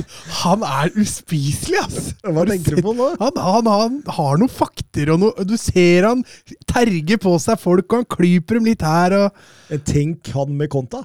Ja, det der blir eh, Det er slitsomt for en spiss å spille med sånne folk, ass. Hvem er han? Jo, det er disse, disse som ligger nede med skade. Han kommer og skal dra dem opp, og her må ikke ligge her. Og han er litt den typen. Da. Deilig, deilig. Ja ja, for en Tottenham-supporter så er det deilig. Eh, Tottenham må tilbake til 13-14-sesongen for å finne sist gang de skårte under ti mål på de ti første Premier League-rundene. Eh, kun ni skåringer som er under ett i snitt. Det er ganske vilt for en Tottenham-fan. Altså selv om de ikke alltid har vært øverst på tabellen, så har vi i hvert fall alltid vært vant med å skåre mål. Så den, den er eh, tøff, og da var det nok for, eh, for Levi. Nuno måtte forlate. Eh, noen var litt sjokkerte, for de tenkte 17 kamper, det er ikke mye å, å få. Andre tenkte det var på sin plass. Han, det var ikke noe match, og da, jo tidligere, jo bedre. Hva, hva tenker dere om det? Ja, ja, altså Wolfsburg har jo vært i en Fikk han, unnskyld, fikk han 17 kamper? ja, offisielle Ja, altså, i alle turneringer. De hadde jo Conference League og Ja, men Det er tre kamper i Conference League, ti kamper i Premier League. Og Det var fire i det cupen. var kvalik i Conference Ja. League, og så var det Ja, Carabao. ja stemmer. stemmer. Ok. Ja, altså Jeg tenker jo at det er helt på sin plass. Men man så jo at dette ikke bar noen vei, og jeg kan jo relatere til det. Van Bommel fikk jo ansettelse i Wolfsburg også sånn cirka samtidig som noen etter sommeren, og jeg mener at det var 100% riktig å sparke Van Bommel for en uke siden, og jeg tenker at det er mye bedre at man reagerer når man ser at det er mismatch og ikke fungerer, og heller prøver å redde sesongen enn å tenke at vi må prøve, vi må prøve, vi må prøve, og funker det ikke, funker det ikke. Og verken med Nono eller von Bommel var det egentlig synlig at det skulle være en hvilken som helst form for en offensiv plan. Og hvis man bare hadde sett antydning til en plan, til en idé, til en tanke der man kan tenke at dette kan man bygge opp og utvikle videre, det har vært det ene, men når det er helt fraværende, man ikke ser noe som helst, så er det helt riktig å sparke den. Er du enig, Mats? Skal Ja, må, må, ja, månedens manager i Ja, det er jo helt sjukt. Månedens manager i august, fyken i oktober, liksom. Det sier litt om fotballens eh, veier, men eh, nei, altså det, det blei vanskelig å forsvare Nuno. Altså fansen, Han hadde fått fansen imot seg. Usikkert åssen det var i garderoben, men eh, det så ikke stor fremgang ut på banen der. Og jeg tror nok de syns det var veldig forlokkende når de skjønte de kom til å få Conte, og da tror jeg veien blei mye kortere. Jeg tror nok den kanskje hadde sittet lenger inne hvis de ikke allerede hadde en, hadde en kompetent trener i bakhånd. Det tror jeg For Conte var kjapt på plass etter at Santo Di Santo Nuno Espirito Santo hadde Franco Di Santo. Husker, husker du han? Jeg blander de to Ja, jeg blander de to stadig. Eh, i, I forhold til stats så har jeg noe morsomt nå her. Eh, bare litt sånn eh, Manchester United har lavere XG og færre avslutninger mot Tottenham enn mot Liverpool. Eh, de har for så vidt eh, De har så vidt mer ball mot eh, Tottenham enn mot Liverpool. Og, men de var markant bedre i tall som presspill, gjenvinninger, taklinger og der. Så du, du skjønner Ja, altså, de har vunnet. og så tipper jeg også XG imot var betraktelig lavere Ja, mot Tottenham mot Liverpool. Det, det, det, det, er helt klart. eh, vi må pløye gjennom noen Twitter-spørsmål før vi går over til La Liga. Og eh, Petter Støvland han spør eh, Antonio Conte, dere må snakke litt Conte tilbake i Premier League. Ja, det blir jo gøy. Er hyggelig å se. Altså, jeg syns det er fint å, å se så mange gode managere som mulig i aksjon. Og jeg syns det er veldig hyggelig å få Conte tilbake på scenen, for vi har ikke sett Conte siden han forlot uh, Inter nå til sommeren. Og så er det jo gøy at han kommer tilbake til Premier League og måler seg mot, eh, mot managere som Toril, eh, Guardiola, Klopp eh, og diverse. Det er jo der han må være. Han må jo være der sammen med Klopp og Guardiola og dem. Han er jo Altså, hvis jeg skulle slengt ut det som barometer over de fem beste trenere i verden, sånn as we speak, da, så er jo han på den lista. Sammen med Klopp, Guardiola, Tuchel og Koman. Simione. Ja, og, så, og så kan du ta med en Nagelsmann der, da. Det, altså, Ja. det er veldig vanskelig, men, men, eh, men eh, han er jo helt der øverst i sjiktet. Og, og få han inn der nå jeg, jeg, jeg, For min del, da. Eh, dette er jo altså dette er jo nærmest en garantist for gode resultater i den siste tida. Juventus Men var ikke Mourinho litt sånn, da? I, ikke, ikke i den grad. Nei, synes, Men han var jo en, han var jo en trofégarantist. Nei, jeg, synes, jeg, Han var på vei ned. Ja, jeg, synes, jeg, er enig. Jeg syns ikke Mourinho var på sitt beste. Han var på Tot i Tottenham. Han hadde vel sin siste gode sesong nå, var det? Ja, var Andreplassen med United var brukbar. Ja, men, altså, men da også da hadde, altså Den andreplassen jeg mener å huske at han tjente veldig veldig mye på en Direa som storspilte. Så ja. Men, men samtidig, du kan ikke sammenligne Conte og Mourinho når de kommer til Tottenham, for det er to forskjellige Ja, men jeg mener, altså Hvis du tenker mentalitet, da. Conte er jo en slags Mourinho 2-0. Ja. Det er jo god, godt organisert lag, kontringer, høyt eller mye trøkk. ja, Jo, men men- det er, det er nettopp der du skiller dem. Conte er høyt press, det er ikke, det er ikke Mourinho. ja, og så føler jeg at Conte er litt mer, litt mer sin egen stil, og ikke så mye hensyn til motstanderen. Men det som er litt kjipt med Conte, da, er jo det at Tottenham må jo ha ny trener igjen om to år. Hvorfor det? Han holder jo ikke ut lenger enn to år. da. Ja, I Juventus gjorde han det. Det er jo bare i siste, Siste, Chelsea, Chelsea, og, Chelsea og, og Inter. Og Italia. Eh, Inter så krangla han jo på seg en, eh, en, en farvel. Eh, Chelsea så hadde jo sine grunner, det òg. Og Italia hadde sine grunner. Det er, det er et mønster her. Eh, Jo, jo, men, men samtidig, det er jo ikke altså, Jeg tror, tror ikke Levi skrev denne avtalen med vitende om at eh, her blir det 18 måneder. Jeg tror han har en plan om at ok, vi skal finne ut at dette forholdet her blir bra, og så kan man jobbe videre med det i så fall. Hvis det ikke blir bra, så koster ikke klubben så veldig mye. og, og eh, nå sitter de og betaler lønningen til både Pochettino, Mourinho Nuno Nuno Spirito Santo her. så- og Conte. Så de har faktisk fire managere ansatt. Men, men Mourinho betaler vel ikke lenger nå, når han har fått ny jobb, da. Ja, de, de betaler en visst han enda også. Gjør de det, ja? Pochettino har også ny jobb. Da. Det er sant, det. Her- Hva slags kontrakt? Herregud, seriøst. Nei, men det er sikkert noe er delbetalinger for fallskjermen. Da. Ja, Det er jo ikke sikkert de betaler lønn. At Det kan hende bare etterbetale fallskjerm, eller at den Mm. fallskjermen allerede er betalt ut. Det kan jo også godt hende. Men uansett veldig, veldig spennende. og Men jeg mener fortsatt at Potter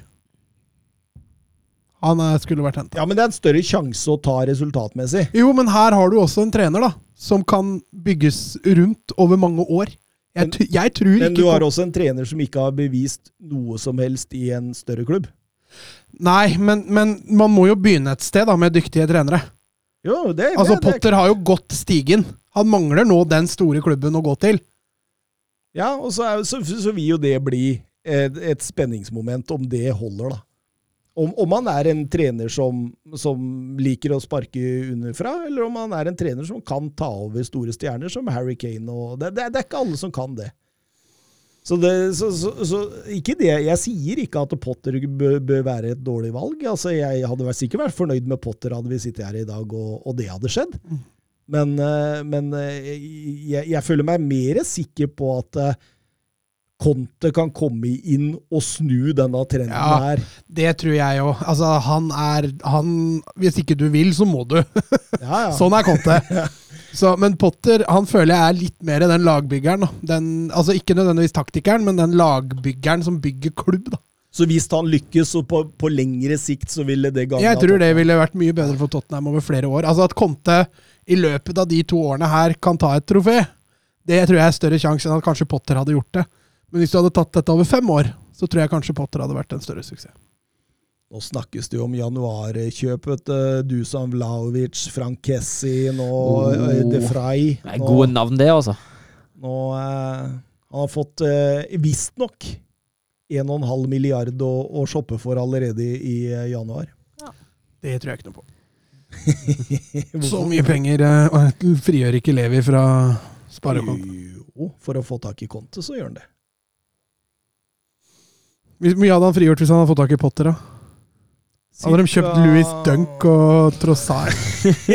ja, men Trossard eh, Ja, tatt han! Ja, ja.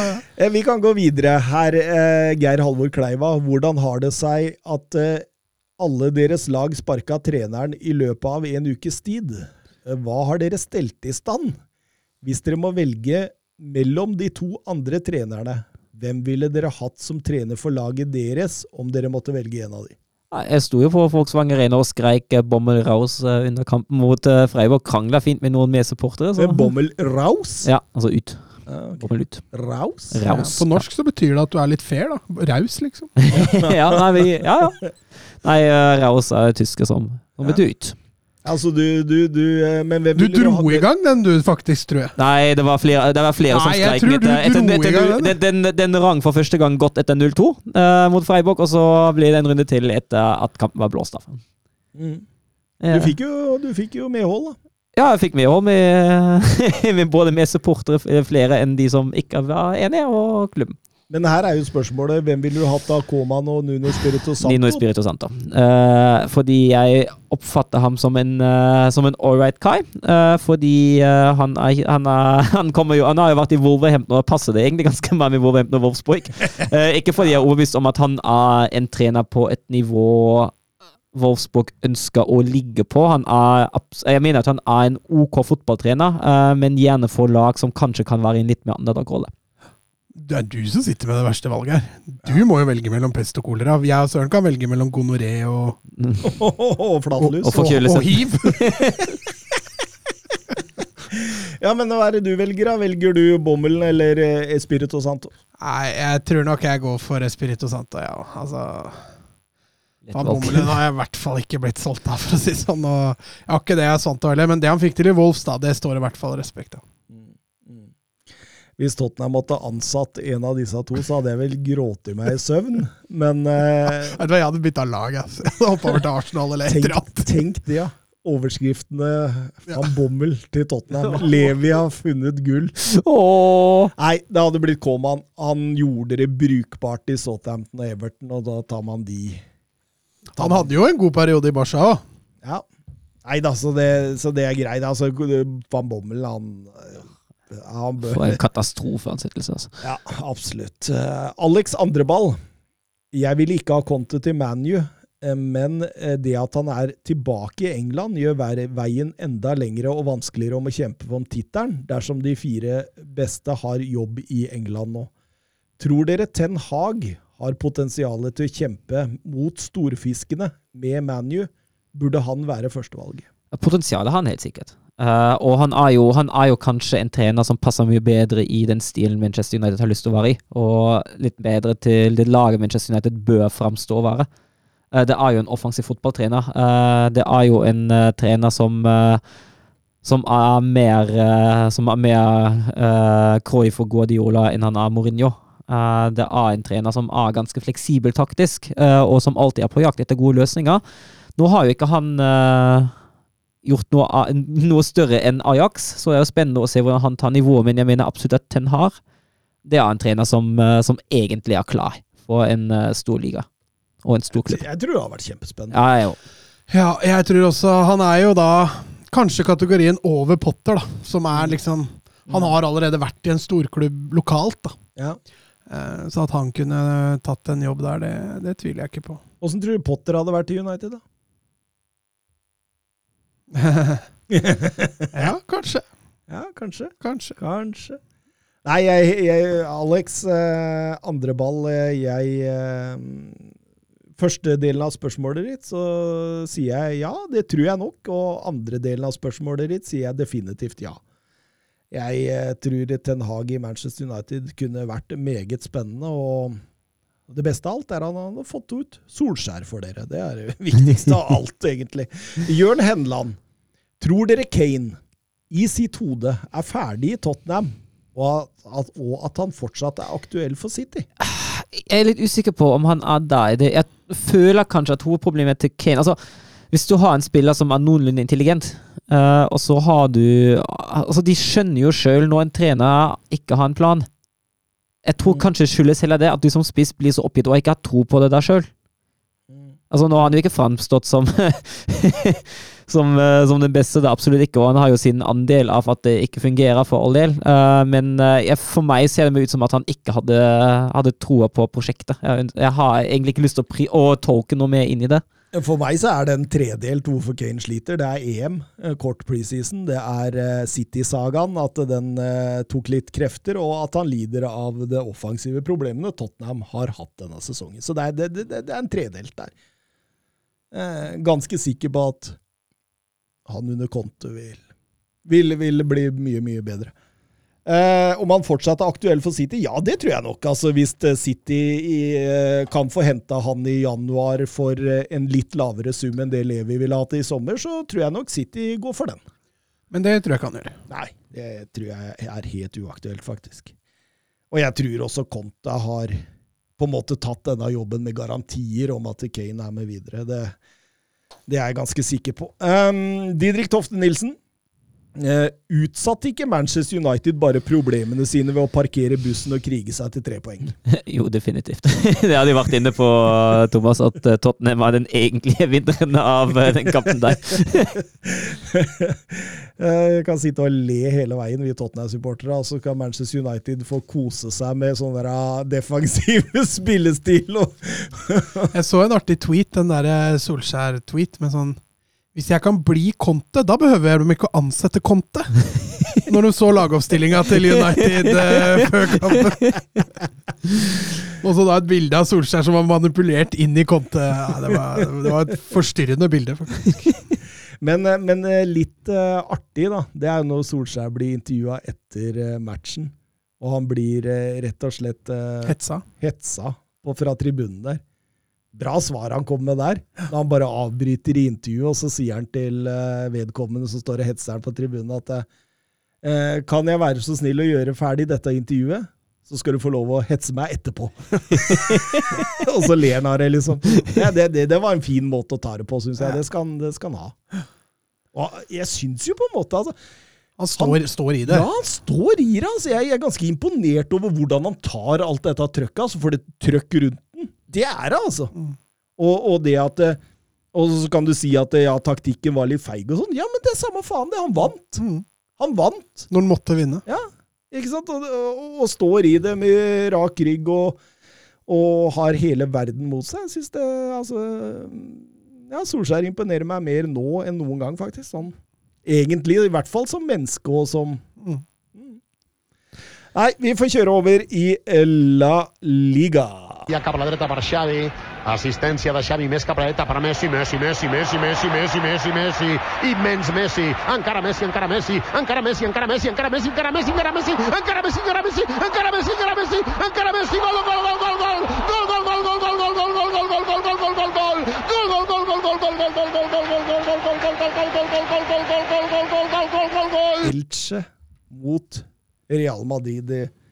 Man tenkte jo at dette skulle bli enveiskjøring, men eh, så så man eh, elveren til Real Madrid, og så mangler det Benzema, og da, da begynte man heller mer å tvile litt. Da fikk man håp for El på Elche sine vegne.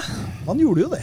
Man gjorde jo. Mariano Diaz er ikke noe Bruno Fernandes, holdt jeg på å si. Han er ikke noe Han er ikke noe Karim Benzema.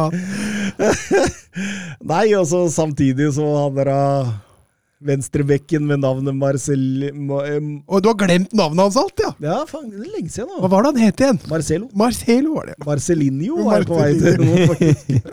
Ja, når han var ute på venstrebekken der òg, vi har eh, fjorårssesongen friskt i minne, så tenkte du at her kunne det jo være motorvei oppover eh, Elsjøs høyre side òg, men eh, ja eh, I en sånn stram 4-4-2 går raskt ned med kantene, sånn at de forsvarer seg nesten med en sekser der innimellom, Mats. Ja da, de, de skal ikke ha på seg at de eh, gikk fryktelig offensivt til verks, men Real Madrid imponerte jo ikke. eh, så de fikk jo masse muligheter, og Courtois måtte jo tidlig i aksjonen her på en, eh, med en enhåndsredning hvor han er knallsterk i hånda der når han får den utafor. så jeg syns Elche starta friskt, og så fikk de seg jo Kanskje en litt tidlig i fleisen rett etterpå der, når Venitius eh, og Mariano faktisk kombinerte fint der. Slurver i oppspillsfasen der han eh, venstrebekken, hva er han heter igjen? Mo, Moicha, eller noe? Moicha? Moicha? Slurver voldsomt der i Ja. oppspillsfasen og blir, blir selvfølgelig straffa der. Um, Venitius, eh, som er egentlig formspiller nummer én i Real Madrid, han setter jo den. Så han er god, altså. Ja, er Formspiller, i hvert fall. Han er god. Det er han. Ja, han redder jo Real Madrid i den kampen her nærmest på egen hånd, spør du meg. Eh, Benzema ute, da faller veldig mye ansvar på Venitius offensivt. Eh, midtbanen til Real Madrid var jo riktignok intakt. Casemiro, Modric og Kroos var der. Jeg syns ingen av de eh, står fram noe sånn voldsomt, så eh, det, falt, det falt veldig mye på Venitius i den kampen her. Jeg syns han innfrir brukbart. Så, så, så er det altså litt spesiell. Litt spesiell blir det i, i første omgang. Det rett etter eh, Real Madrid har tatt ledelsen, så begynner Elche å flytte opp litt spillere. Eh, presser relativt høyt og har på ingen måte lagt seg ned for å dø. Og Real Madrid liksom gir bort initiativet og legger seg til tider dypt i 4-5-1. Mm. Er ikke, er ikke det litt sånn klassisk Angelotti, da? Ja, men det, det, det Men det er ikke klassisk Real Madrid. Nei, det er ikke det. Det er jeg Jeg husker fortsatt veldig godt Fabio Capello fikk sparken som seriemester fordi det var ikke underholdende Der, Altså. Vi er ikke der lenger. Nei, der er vi ikke lenger, altså.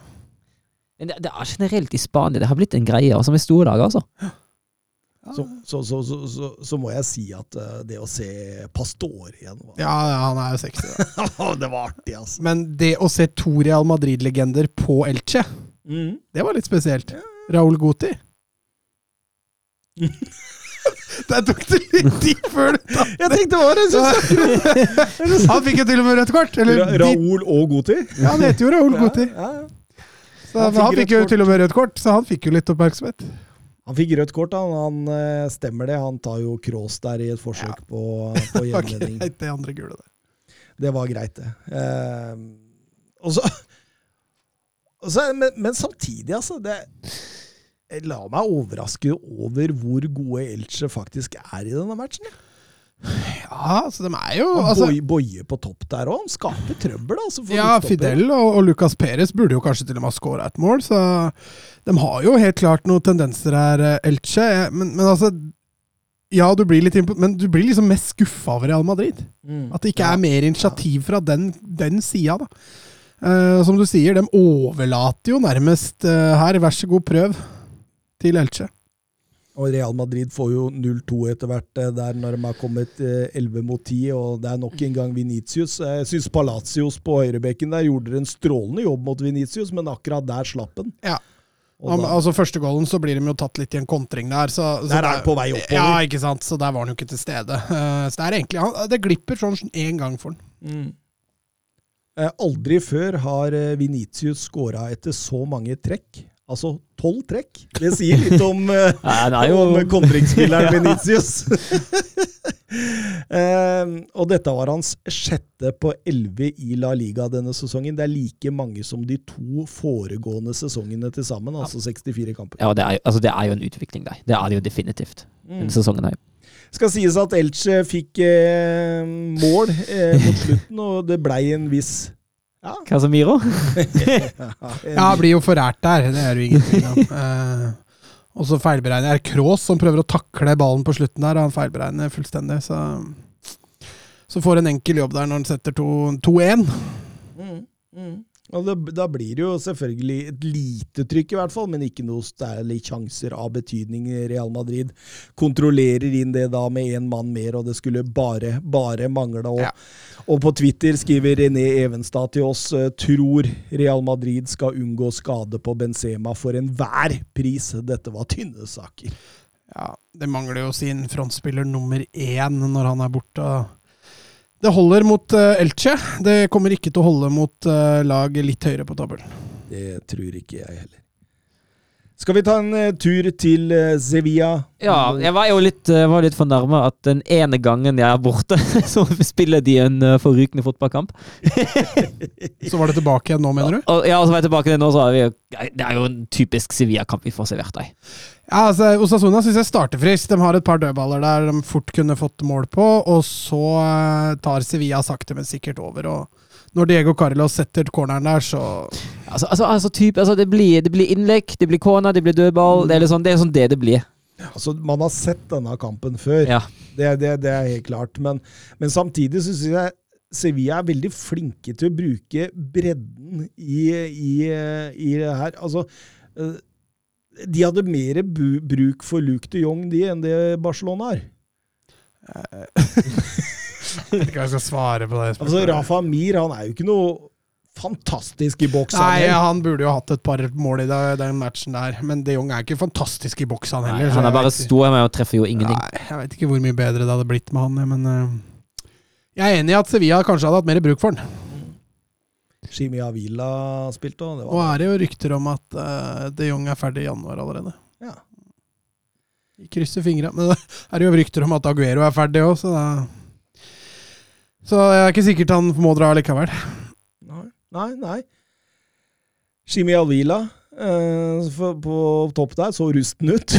ja, men det syns jeg dessverre. Altså, han hadde jo den forferdelige skaden. Han har jo aldri kommet 100% etter det, så jeg får bare være tålmodig og håpe han finner igjen Shimi Avila-formen. Så har jo egentlig Sevilla god kontroll. Ja, de, har, de har god kontroll. Altså, de er jo en uh, altså, Forferdelig eh, tabbe. Ja, altså. Men, altså, men ja, det kan være forsvarsspiller. Altså, ja, Arezzo skal ha sin del av skylda at han ikke klarerer den ballen der, men Peres har jo ingenting der ute å gjøre. Og ja, hvis Peres ikke kommer ut, da banker jo Arezzo den der på eh, 15. rad på tribunen. Det er jo det som gjør at han ikke klarerer den. Jeg mener at altså, det er forferdelig keeperspill der. Jeg er helt enig. Og Campos får egentlig en veldig lett jobb når keeper kommer ut og ødelegger hele situasjonen. egentlig. Eh, Så skal det sies at han setter den jo helt ned ved hjørnet når han har på et mål der, så det så jo ut som han faktisk skulle bomme. Men eh, ja, artig for og Spilte vel sin kamp nummer 100, så ålreit ja, å skåre mål. Mm. Altså for Sevilla, da, selvfølgelig. og Lopetegi han er den raskeste Sevilla-manageren til 50 La Liga-seier i klubbens historie. Mm. Gjør det på 87 kamper, så det, det er jo åpenbart at det er noe solid, noe trygt, noe altså, altså Topp fire her er soleklart, det bare spørs åssen plass, egentlig. Ja, og med det Barca driver med for tida, så blir jo den fjerdeplassen bare mer og mer klar.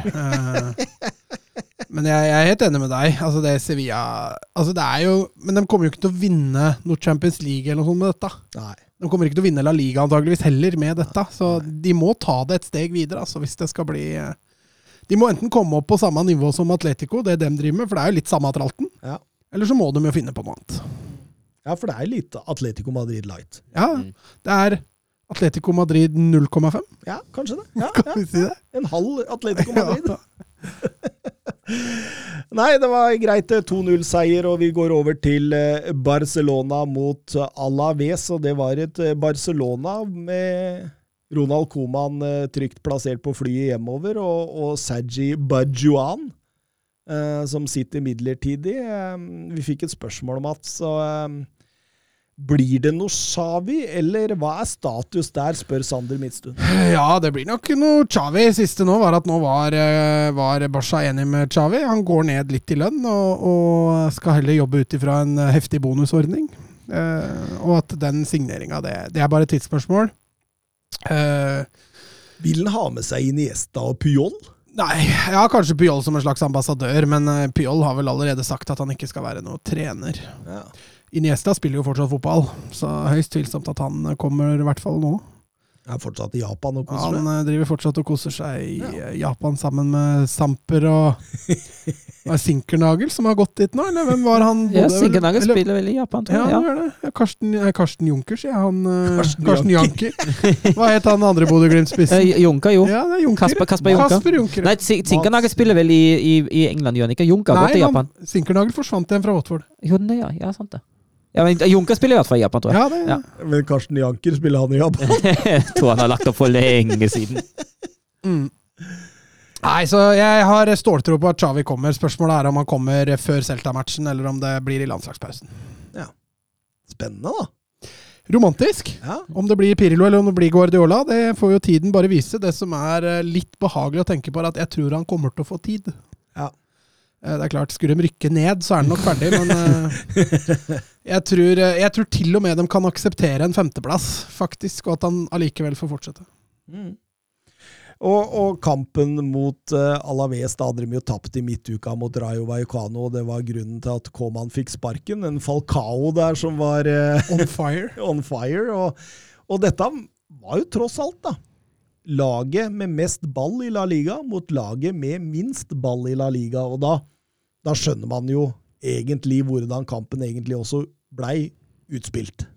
Ja, Barca k- kryssa vel 80% possession i den matchen her, så det, det, det, Det det understreker- det, Nei, det understreker poenget ditt. Det gjorde det. Um, men jeg syns det var noe dødfødt over det Barca-laget her. Eh, Det er lite sprut framover. Nå spiller vel Dest høyrekant i sin tredje kamp på rad, og det har jo ikke fungert ennå, så jeg, jeg skjønner ikke at når du når du har gjort samme feilen om igjen og om igjen, hvorfor ikke prøve noe nytt, da? Eh, så Nei, og så er det jo selvfølgelig maks uheldig, da. Aguero får uh, hjerteproblemer, rett og slett. Uh, urytmisk uh, hjerte, hjerteslag. Og senere rapporter viser vel at han Han skal i hvert fall ikke spille de tre neste månedene. Oi, såpass, ja. Og det er vel litt sånn at det, det er ikke sikkert han spiller igjen. Oi, såpass, ja. Så det blir jo artig å se åssen Eller ikke artig, det blir jo interessant å se åssen det går. Men kampen Du ser at det mangler en trener der. Det er ikke noe sprut over dette. Nei. Det er ikke noe Er det lov å si at Jordi Alba virka som eh, Barcelonas eh, beste og viktigste angrepsspiller i første omgang? Ja, jeg jeg syns- jeg syns også Gavi til tider glimter til, også. De, Ja, Nico òg. Ja, ja, Ja, men det blir mye sideveis. Det gjør det. Ja. Eh, men altså Deportivo lå jo ikke fryktelig høyt. Det var ikke mye nei, rom å angripe verken bak eller foran, så Det er kanskje bevegelsene framover det kanskje skorter litt på. Ja, for jeg synes jo Depay står mye. Mm. Han gjør det. Også han står ofte gjerne mellom stopper og bekk. Så det da å forsvare seg trangt, det, det gjør det jo bare lettere for Alaves. Dest holder jo i hvert fall bredden, da. Men, men det, han er jo så ufarlig at uh, han er jo ti ganger verre enn det Venitius noen gang har vært. Så, og Aguero er jo fortsatt ikke i kampform, så Nei, det er tynn, dette er tynn suppe, altså.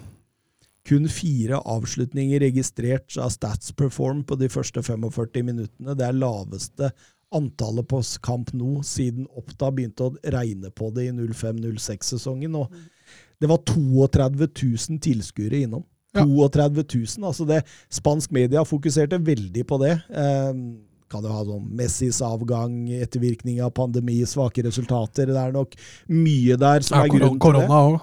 Men, men samtidig, da, samme dag, omtrent samme tidspunkt, så har Sheffield United nesten 29 000 i championship. Så, så det, er, det, det er et eller annet der, Mats. Ja, det er derfor jeg sier at Xavi tror jeg kan være det beste alternativet pga. romantikken. Jeg tror det aleine kommer til å generere større interesse for, i og rundt Barcelona. Så det, det mener jeg er den riktige avgjørelsen, sånn som det er akkurat nå. Så får tida bare vise om sportslige kan få publikum tilbake igjen eh, på kamp nå. Det blei jo ganske heftige tilstander utafor der etter tapet mot Real Madrid, så de er nok litt lei nå, altså, fansen på, på Katal i Catalonia. Men så kom man ut i annen omgang, og så skårer Barcelona omtrent med én gang. Ja, det måtte jo et langskudd til. da. Depay eh, limer den inn i hjørnet ganske høyt oppe i mål. Det er På grensa til å være i krysset. Deilig kroppsfinte der, da. Ja, ja. Men han har jo den inn... Men altså, det er det med Depay, da. Så jeg kjenner jo det at frustrasjonen min med han vokser nå. Fordi han, han gjør så mye dumme valg, og han får ikke så mye til. Men så gjør han det der, da. Det gjør han gjerne én eller to ganger i løpet av en match hvor han gjør noe helt genialt. Og du tilgir, det var litt sånn som Suárez. Ja. Du tilgir han jo gang etter gang fordi han gjør det der. Dessverre så ikke det, var ikke det nok i den kampen her. Så leste jeg en ganske interessant stats. Eh, kun Lionel Messi har flere mål utenfor boks enn Depay i topp fem-ligaene siden eh, starten av, av 2018-2019-sesongen. Og hør nå. Depay, da, som ligger på andreplass, han har da 13 mål utenfor boks. Den som ligger på topp, Messi, han har 34. Han har en jobb å gjøre her for å ta han igjen, er det du mener? men, men, så tror man jo dette Nå, nå ordner Barca det. Nå, nå, nå må Alaves fram og sånn. Og så Det er jo en fin scoring nå. Ja, Luis Rojoja, han, eh, han gjør det igjen, han, Mats. Han har Ja, gjort det mot Barcelona før. Han har vel fem mål i La Liga, og tre av dem er mot Barcelona. Det er jo Det er 60 ja, Det er jo helt spinnville tall, egentlig. Så han liker seg godt mot Barcelona. Det er jo et herlig forarbeid der også, hvor han får flikka han gjennom med hælen der. Og, fint. Der som eh, som tar en sånn tofotsflikk Ja. gjennom til Rioja der, som uh, kommer aleine, og da gjør han jo ingen feil. Men han skal ikke få pa passere de tre Barca-spillere så lett gjennom Nei, der. altså han, altså. han er, jeg leste at han var en av topp, var topp tre kjappeste spillere i La Liga. Mm. Det går jo fort, da. Men jeg er helt enig med deg. Det skal ikke gå an å komme gjennom der med ball.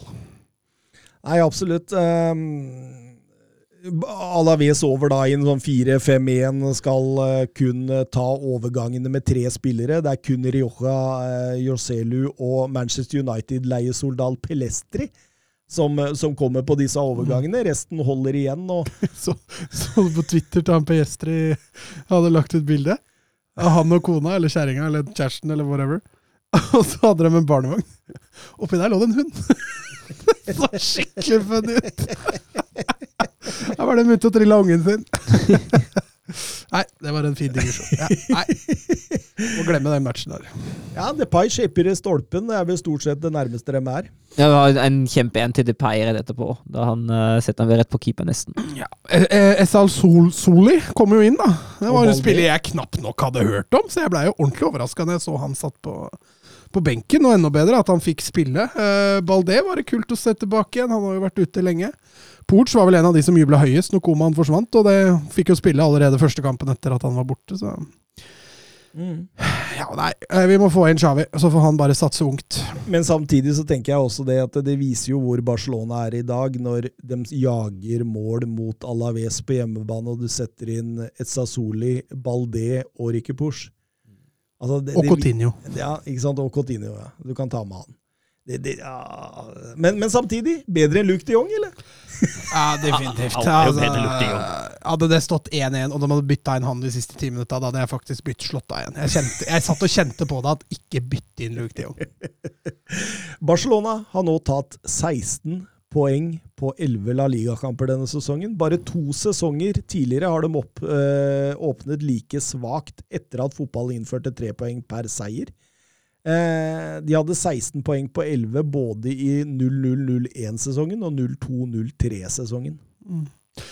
Verdt å nevne at eh, etter elleve kamper for Barcelona, så er det nå kortere vei ned til nedrykk enn det er opp til gull. Eh, Vebjørn Fredheim, kan Barcelona risikere å komme utenfor topp fire? Ja. Når, når skjedde dette sist? Nei, da må vi tilbake igjen til før Frank Rijkaard-tida, tror jeg. Ja, det var Louis van Gaal. Ja, Da det blei åttendeplass eller et eller annet Ja, sånt. sjette, sjette, Eh, sjette. var det. Så da må vi eh, og par og 20 år tilbake i tid, sist det skjedde. Så det, det er en stund siden. Eh, at de kan havne utafor? Ja, det kan de. Tror jeg de gjør det foreløpig? Nei, jeg tror ikke det. ennå. Jeg er enig med deg der. Jeg tror ikke på det, men uh, samtidig det Altså, greia der da, er jo det at du har Real Madrid, Sevilla, Atletico. Den Mm. blir vanskelig å komme utenom. Den fjerdeplassen der, Mm. det er jo den de må slåss om. Og Sociedad hadde jo samme start i år som det de hadde i fjor. De forsvant jo helt utover sesongen. Ja. Uh, og så har du Betis, de er jo veldig opp og ned. Men det er, det er bare de to jeg tror som kan utfordre. Villarreal har jo sett helt forslått ut denne sesongen, så de, de har jeg ikke trua på lenger. Eh, så det er kanskje Sociedad som kan ende opp med å bli eh, den som eventuelt kan frarøve Barca en fjerdeplass. Mm. Mm. Vi er vel enige i det, Dupker? Ja, det er jeg. Nislue på. Kan vi få høre enda en slakt av Barcelonas aktiviteter på transfermarkedet? Riktignok kunne man ikke forutse en slik hendelse som Aguero nå, men eh, Han er jo fortsatt godt over 30 og er skadeplaget. Ja, og så kommer vi i tillegg at man henter jo Aguero for, at, for å spille sammen med bestekompis Messi for å få Messi til å bli. Og det fungerte jo utmerket, som vi vet. Og så tenker jeg at altså, en, en hvilken som helst overgangsvindu der man henter inn Luke de Jong, er jo slakt og slakt og slakt. Altså Det komiske her, eller det tragiske her, eh, ettersom eh, du er eh, Barca-supporter eller ei, det er jo at de faktisk på kort tid har bytta ut Suárez, Messi og Griezmann med Luke de Jong, Braithwaite og Aguero. Ja. Det, Det er jo- det det er er faktisk helt sykt å tenke på. Og så Hvis du da drar med deg f.eks. det at dem, den Arthur eh, Pjanic-dealen der, så Ja, men men du kan, jeg kan jo være litt snillere da og så si at de har bytta ut Messi, Suárez, Neymar med Braithwaite, eh, Aguero og Depay. Det høres litt bedre ut, i hvert fall. Ikke glem Piquet når han er oppe og spiller spiss. da. Ja, men han har jo vært der hele tida, så man har ikke bytta ut han med Og det er litt sånn, sånn det, er, det er sånne småting du ser på hele tida. Altså sånn, for eksempel det der ah, Trincao-kjøpet til 31 millioner, som nå ofte sliter benk i, i Wolverhampton på lån. Du har en Kukurea som de solgte for bare 11 millioner euro, og som er Premier Leagues beste venstreback omtrent for tida. Så det, det, er, eh, det, det er noen vedtak på de styremøtene der som har vært borte i natta. Og, Ja. og, og, og alt dette her er jo summen av at Messi ikke er der i dag. Altså, jeg tror Barca scorer ekstremt høyt på den klubben som håndterer overganger dårligst. Altså, jeg tror det er mange klubber der ute som er dårligere enn Barcelona på akkurat det. Tenk hvis de ikke hadde Altså hvis ikke La Masia hadde vært et så velfungerende Jo, men de har jo ikke brukt mange derfra de siste åra heller. Nei, men samtidig, det har jo kommet noen nå, da. Pedri, Gavi ja, nei, Ja, Pedri, Pedri, kom, Pedri ble kan vi nok ikke ta Han på, kjøpt, ja. på La Men, men Masia-kappen. Gavi, du har Nico, som har kommet inn og gjort en uh, brukbar jobb. Balde. Ja, nå har jo ikke han vært så Neida. påtvunget førsteelveren ennå. Ansufati kan vi kanskje Ja. Fati vi ta med. Så det, det er jo spillere her nå som på en måte Barcelona kan lene seg litt på som en framtid, da, som er årsaken. da, Altså selve, eh, selve på en måte et resultat av et velfungerende ungdomsakademi. Ja, og så ser man jo også ved å hente en spiller som Yusuf Demir, går det jo litt i den samme retning, da. Litt spennende, det òg. Spennende, det òg. Erik Asia kan du ta med da. Han er jo til og med La Masia-produkt, så, så det var jo en spennende signering også, selv om han kanskje ikke har innfridd 100 ennå. Så, så har jeg troa på den. Men eh, Men det er derfor jeg fortsatt har trua på Barcelona, at dette kan snu. Fordi de har disse Ansu Fati, Gavi, Pedri eh, det, det, det, altså relativt ung Arajo tror jeg blir god eh, Ja, ja. på sikt. Jeg er men, litt men men, mer usikker på Menguesa. Ja, men uh, Arojo har de litt bekymringer for, for han er veldig skrantende fysisk. Altså. At det blir en sånn skadetype. Uh, så det er fort Garcia, Piquet og Lenglet som uh, må trå til verket der. Men jeg er helt enig. Garcia Arojo, hvis de får på plass det fysiske der, det er et fryktelig spennende stoppepar. Mingesa, litt enig med deg. Jeg tror kanskje jeg ville heller Altså, han kunne kanskje fungert i en treer bak der. Ja. Uh, men høyrebekk, du så mot Real Madrid. Vinicius pissa jo på den til tider. Ja. tider. Eh, eh, Dest uh, er, helt, kunne jo, er nok bedre som høyrebekk, selv om han er svak defensiv, han også. Men der har du en ungskutt. Baldé som kan ta over for Alba i løpet av et par sesonger, blir jo spennende. Um, og så har du den midtbanen. Den er jo voldsomt sexy hvis den får, får det i gang. Ja, ja, absolutt. Eh, vi går videre til Atletico Madrid mot Real Betis. Eh, Diego Simione han eh, satt på tribunen nok en gang. Han.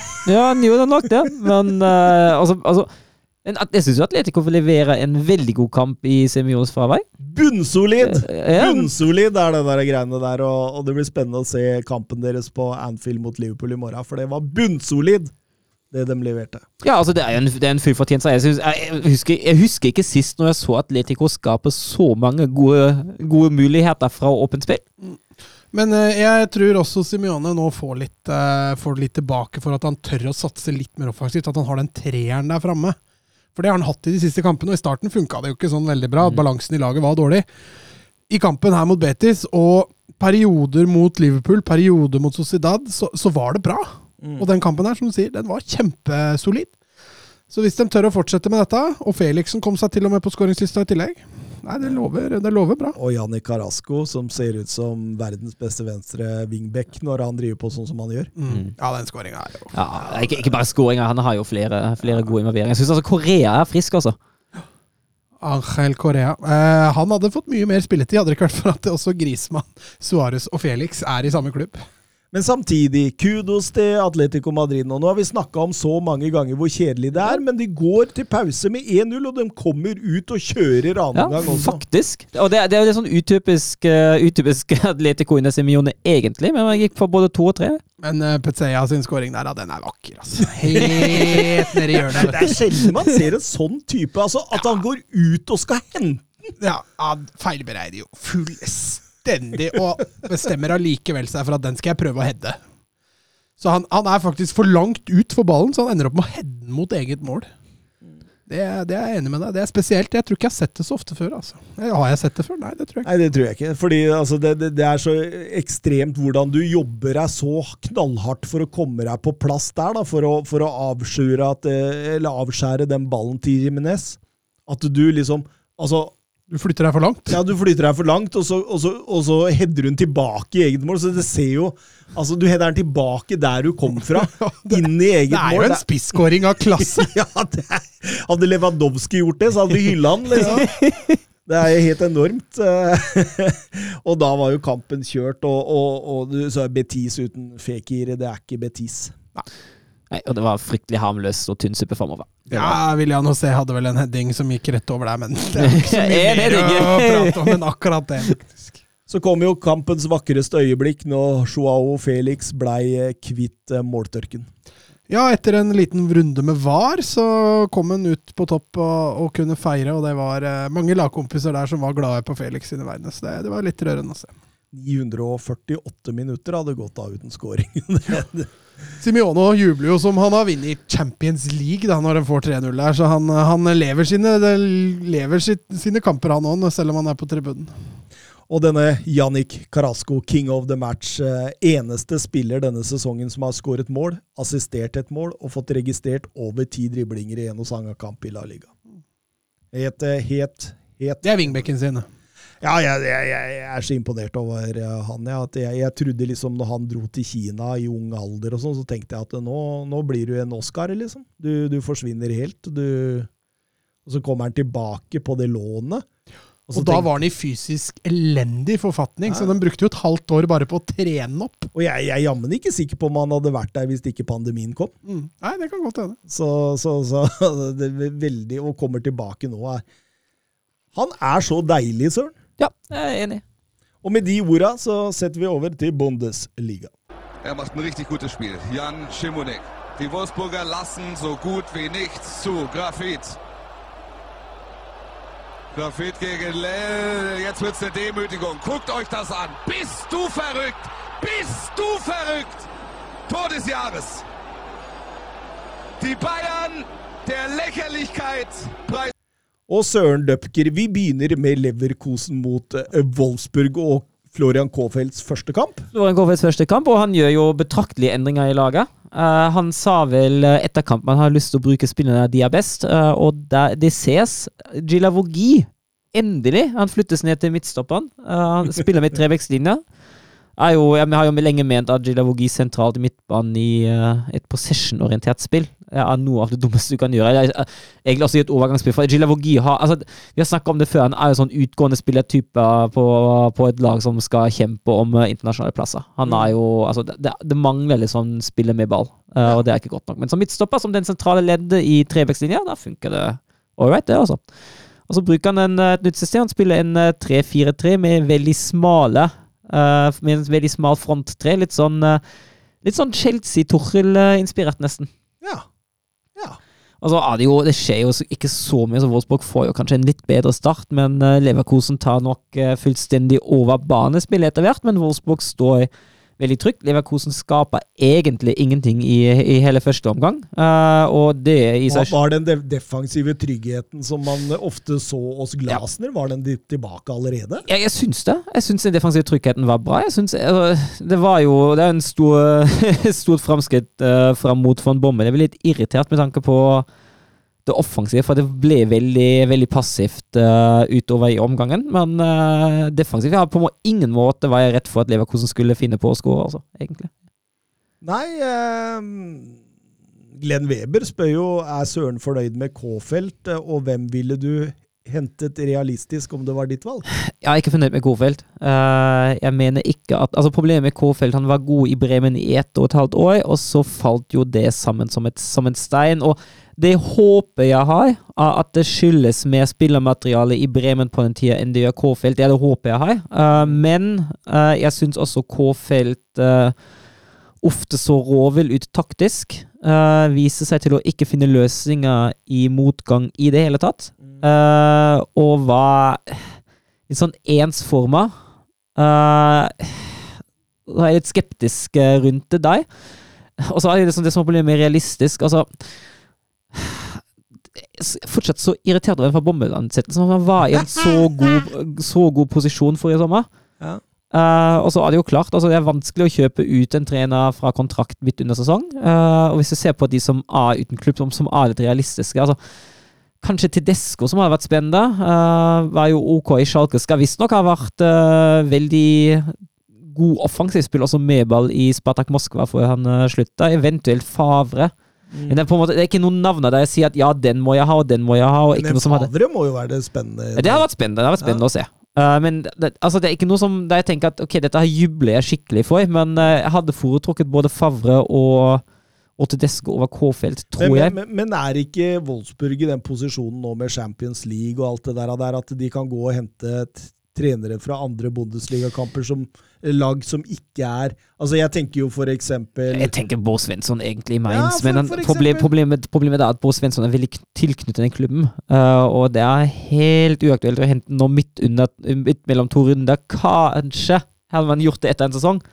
Uh, nærmeste mulighet til å hente en ny en hadde jo sikkert vært uh, vinterpause nå i, fra Bundesliga. Men eller han Stuttgart-treneren. Han, ja, eh, han, uh, ja uh, Materazzo. Ja. ja. han hadde jo vært spennende, han òg. Og han skal visst ha en uh, utkjøpsklausul. Men da, igjen, jeg tenker at det hadde tidligst vært aktuell i vinter. Altså, å spille de resterende kampene om frontsekk, det hadde ikke vært et godt alternativ til heller. Kunne man like så beholdt bommelen, altså. Mm. Men ja. Så man har jo satt seg i en litt ugunstig posisjon ved å ansette van Bommel. Uh, er jo bra at man korrigerer det såpass tidlig som man gjør, men uh, hele den ansettelsen, og jeg har sagt det fra start, den er så uforståelig at man har valgt det der. At man går, at når man, når man først har etablert seg i topp, at man velger et eksperiment på den måten der. Når man, man er, altså, Wolfsburg jo, har jo infrastrukturen på plass, har en uh, brukbar tropp, spiller Champions League, uh, betaler OK lønninger, så man kan jo finne en god trener. Mm. Mm. Og hele den Fabomelandelsen var så sjølmål. Men Kofeld starter bra denne gangen, da. Ja, og jeg, jeg, jeg syns det han gjør in game i den kampen, det han gjør i pausen, det er veldig bra. For han treffer på buttene sine. Han tar ut, uh, tar ut Steffen og, uh, og Philip. Og butter en Lokebakio og Otavio og får inn en helt ny venstreside. Uh. Samtidig løfter han presshøyden litt. Uh, blir høyere i banen, blir mer aktiv mot ballen. Og så klarer han med ballen å vende ut og doble uh, mot Leverkusens ytterste lett uh, i den fem-slash-trebekslinja der. Mm. Og det er jo det som skaper begge mål, den doblinga der. Og det jo, kom, begge to kommer jo via venstresida. Ja. Så jeg syns han treffer godt på matchplanen sin, og han treffer godt på in game, for i Leverkosen har ett skudd på mål, og der står det 2-0. Jeg har spilt 93 minutter, og det er en straffespark eh, som Casteds redder. Det ene skuddet Leverkosen har på mål i hele kampen. Ja, det er jo solid nok, det. Ja. det er helt klart. Så må vi snakke litt uh, Hans-Lacroix som uh, på 2-0 etter 96 minutter. Holde Alario i drakta, lage lager straffe og bli utvist med direkte som er helt riktig. Han er jo en klassespiller, men han er fortsatt ung, men ser det deg. Ja, da. Fryktelig men, men, dårlig valg. Men, men, men dette lærer da, og så lenge ikke det går utover Wolfsburg, så tenker jeg det bare er en, en sunn lærdom. Ja, det er jo det. Leverkosen eh, taper eh, dermed for tredje gang denne sesongen. Alle har kommet på hjemmebane, men mot Dortmund, Bayern og Wolfsburg. Ja, Det er jo tre topp fire-lag for forrige sesong. Det det. Men det går litt nedover med Leverkosen nå om dagen, altså. Det, det, det var vel de tre siste hjemmekampene de tapte nå, altså? Det var vel en cupkamp der òg som ja, var mot veldig Mot Karlsruhe fra andre Bundesliga, der de røyk 2-1. På hjemmebane òg, faktisk. Vi går over til Dortmund mot Köln og en eh, Ja, altså Erling Braut Haaland som eh, er satt eh, ute av spill i lengre periode. Altså i hvert fall fram til neste år, går det rykter om. Og, og da har også vi Viasat Studio satt sitt i pause. ja, det, det, det, det altså. De har tatt juleferie, det nå. Jeg, jeg syns vi kan sende nisselua som vi har der til Viasat-redaksjonen, og så er jeg helt sinnssyk. Plutselig så var det ikke så interessant å ha ålreit dekning rundt kampen jeg, jeg, Altså, men, hvem, har dere gått gjennom Bayern-matchen? Nei. Nei, okay. Nei, fordi altså, jeg blir jo altså, jeg blir litt ja, Altså, jeg, jeg, som, jeg som liker Bundesliga for det den er, jeg blir jo litt irritert på det der. Ja, jeg skjønner jo det veldig godt. Det er jo latterlig, rett og slett. Ja, og så er det jo samme som at jeg setter jo veldig stor pris å ha Lars Tjerner som ekspertkommentator. Han har jo kuttet ut av nå. Men eh, det er jo disse som tar over Premier League. Yep, men nå, nå Hva er skjer når de skal vise kamper hvor det ikke er nordmenn? da? Blir de bare rett i kamp, da? eller? Helt sikkert. Jeg tenkte, ja. Ja. Mathias Nordmann og Norwich. Nei, de er ikke der neste år. Men Nå har de jo ansatt eh, Kasper Wikestad, og det er jo godt. Det er jo bra. det, det blir nok noen heavy si- signeringer for eh, dette selskapet. Så er det nett? Nett? Nent. Nent. Nent, ja. Nent. Mm. Høres ut som et fransk eh, førstedivisjonslag. Nånt. Men, eh, men, men kampen, da. ja, eh, og da syns jeg jo Dortmund skuffa stort. Eh, Altså, Køllen er best. Køllen er best. Ja. er soleklart best. Og det som jeg reagerer mest på altså Hvis du ser på Dortmund-informasjonen, har Rose velger med 3-4-1-2. eh, Og hvis du ser på presspill og den offensive markeringa Det funker ikke mot Kølens 4-2-3-1 i det hele tatt. Du har de tre fremste, uh, Brann sentralt, eh, Royce og Asa, som presser. Eh, men du gir de gir Köln god plass eh, på bekkene. Eh, samtidig er Brandt er ned på én pivot, men så snart Köln trekker ned sin sentrale midtbanespiller nummer to, har de alternativer der, så Köln kommer seg forbi det presset gang på gang på gang. Og det syns, og og jeg syns Rose tar ikke, altså han tar ikke grep. Jeg skjønner ikke det. Han må jo se det, han òg. Ja, absolutt. Du, du kan jo si at for, selv om Køllen på en måte er det beste laget ute på banen, så er det likevel da Dortmund som skaper de største sjansene. Ja, eh, men på, på, på en litt sånn utypisk Dortmund-måte. Altså, du har jo noen vendinger ut mot, mot, Meunier og, og alt det der, men eh, altså, 1-0-målet kommer jo veldig utypisk Dortmund. Langball av Kanji og Brandt vinner, vinner hodeduellen, og så er det Bellingham som, eh, som var oppe og legger den inn eh, mot det en der, helt Det er så følsomt at Ja, det er nydelig. eh, Åh. selv Enrique Iglesias eh, Det var han du valgte, ja, altså, Det er så følsomt at, at når han synger ballader, så, så, er, så er det ikke mer følsomt enn det, altså. ja. Men altså, Bellingham, det, det, var, det var et uh, herlig innlegg, det skal sies. Eh, Torgan Hazards eh, 41. Bundesligamål, men det første på hodet. Ja, Han hedder den inn her. han, er den inn, og han, han ble jo altså redningen for Dortmund under cupkampen nå, eh, til uka da de slo Ingolstadt 2-0. Da skåra han begge to nå, som innbytter. Men, men Köln har jo ikke tenkt å gi seg her. De kjører på videre med energi og trøkk, skaper gode sjanser. Spesielt Modest der er jo helt Ja, det- strålende. Det det er, det er sterkt. Altså, ikke bare altså, Snakket jo altså, var jo litt som at han ikke var helt synlig i boks, men jeg syns Modest som, som deltar, som lar seg falle hele tida, og som deltar som oppspillspunkt, altså feilvendt uh, å holde på ballen og, og initiere angrep, jeg syns det, er- synes det er sterkt. Og Dortmund blir jo spilt lave i, i andre omgang. Ja, altså Modest har fem uh, avslutninger i kampen, Ja. Dortmund tar sju. Ja, ikke sant? Så Nei, jeg syns det det, er- det er sterkt, altså. Og, og, og 2-0 til Dortmund der, det kom jo liksom av en corner hvor eh, Tigges eh, på sin første berøring i kampen eh, Skårer sitt første mål i Bundesliga òg, og det er jo fullstendig motspillets gang. Det er jo det. Det er jo det, helt klart. Så det, det, det, men, men samtidig, da, så tenker jeg også det at eh, Dortmund, da Veldig ofte når vi har sett dem denne sesongen, og de tar en ledelse og ligger og leder utover i annen omgang, så, så er det et eller annet, så plutselig så, så får motstanderen et mål, og så blir det fullstendig kjør mot Kobel. Det, det, det så man ikke i denne kampen. Nei, men jeg syns jo at, at Köln ikke får et mål. Det skyldes ikke Dortmund. Det skyldes jo mest Köln, da. Fordi jeg, jeg, jeg syns jo kampbildet ligner litt det vi har sett før. Dortmund ikke har kontroll i det hele tatt. Mm. Nei, men det, det var en grei 2-0-seier selv uten Haaland, eh, med litt slit. Og nå skal vi over, Mats, til eh, kampen du etterlyste. Union Berlin mot eh, Bayern München. Ja, det er bare, det var en nordmann på skåringslista. Det var Ja. derfor jeg etterlyste ja. Ja, det var det, ja. Ja, og det var jo, det nevnte jo til og med Eivind Biskår Sunde mens han kommenterte Dortmund. At han kommenterte Union Berlin. Han, kom, han kommenterte Dortmund-kampen, og så gikk Union Berlin mot Bayern samtidig. Og så altså, nevnte han i Dortmund-kampen at Ryerson hadde skåra for Union mot Bayern. Ok. Så, Det var jo sta, så, det. så stas av det. Men eh, Bayern kommer jo fra fullstendig slakt uh, i Hva skjedde der, Nei, det var, det var helt katastrofe. Altså, Oppå Mechano, som hadde en helt svart dag sammen med, med sånn cirka ti andre. Det var helt, eh, det var helt sinnssykt. Altså, det, jeg har ikke sett Bayern på den måten der på evigheter. er helt vanvittig. Ja, Som å se Molde-godset. Ja, ja, ja. Det bare skjærer seg fullstendig. Nei, det var, det var helt Altså, sykt. Gode lag har jo en sånn prestasjon i, innimellom. Men det der var jo Det var jo Ja, helt, eh, helt hodemist og slakt på én gang. det. Ja. Så de hadde jo noe å revansjere seg for etter 5-0-tapet mot Mönchengladbach i cupen. De hadde det. Og det var et på Bayern-lag.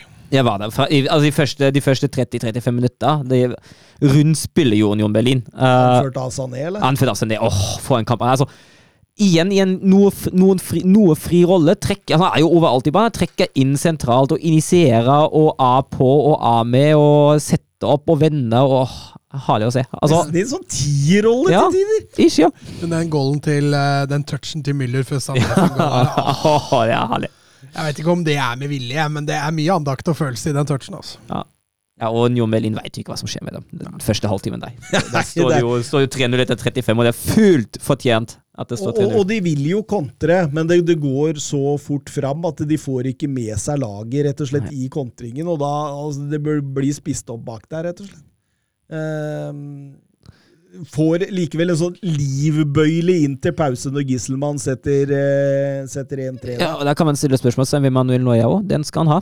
Den skal han eh, ha. Uh, Han, Men- vel, han har jo litt tur der òg, at den går stang inn via han stang inn, liksom. jo, jo, men han skal fortsatt ha. Han skal jo ikke Banker rett på den. Ja. Rett på den. Altså, altså, altså da begynner jo Bayern å altså Du har jo den offside-skåringa altså, også, som blir jo helt riktig annullert rett før pause, men jeg syns de defensive problemene som man ser i andre omgang, de begynner allerede da. Det begynner å spre seg en sånn slags for utrygghet. Og nå kan man jo tenke hvordan det hadde vært Nagelsmann er fortsatt hjemme og kan ikke være ved siden av pga. at han fortsatt er koronapositiv. Og lurer på om det hadde vært litt annerledes om Nagelsmann eh, hadde gjort noe i pausen. Nå står vel uh, Toppmølla i kontakt med ham, men likevel, det er noe annet, altså. Fordi jeg syns i andre omgang, uh, før de skåra 4 etter 6 i den første halvtimen der, den er ikke særlig bra av Bayern defensivt.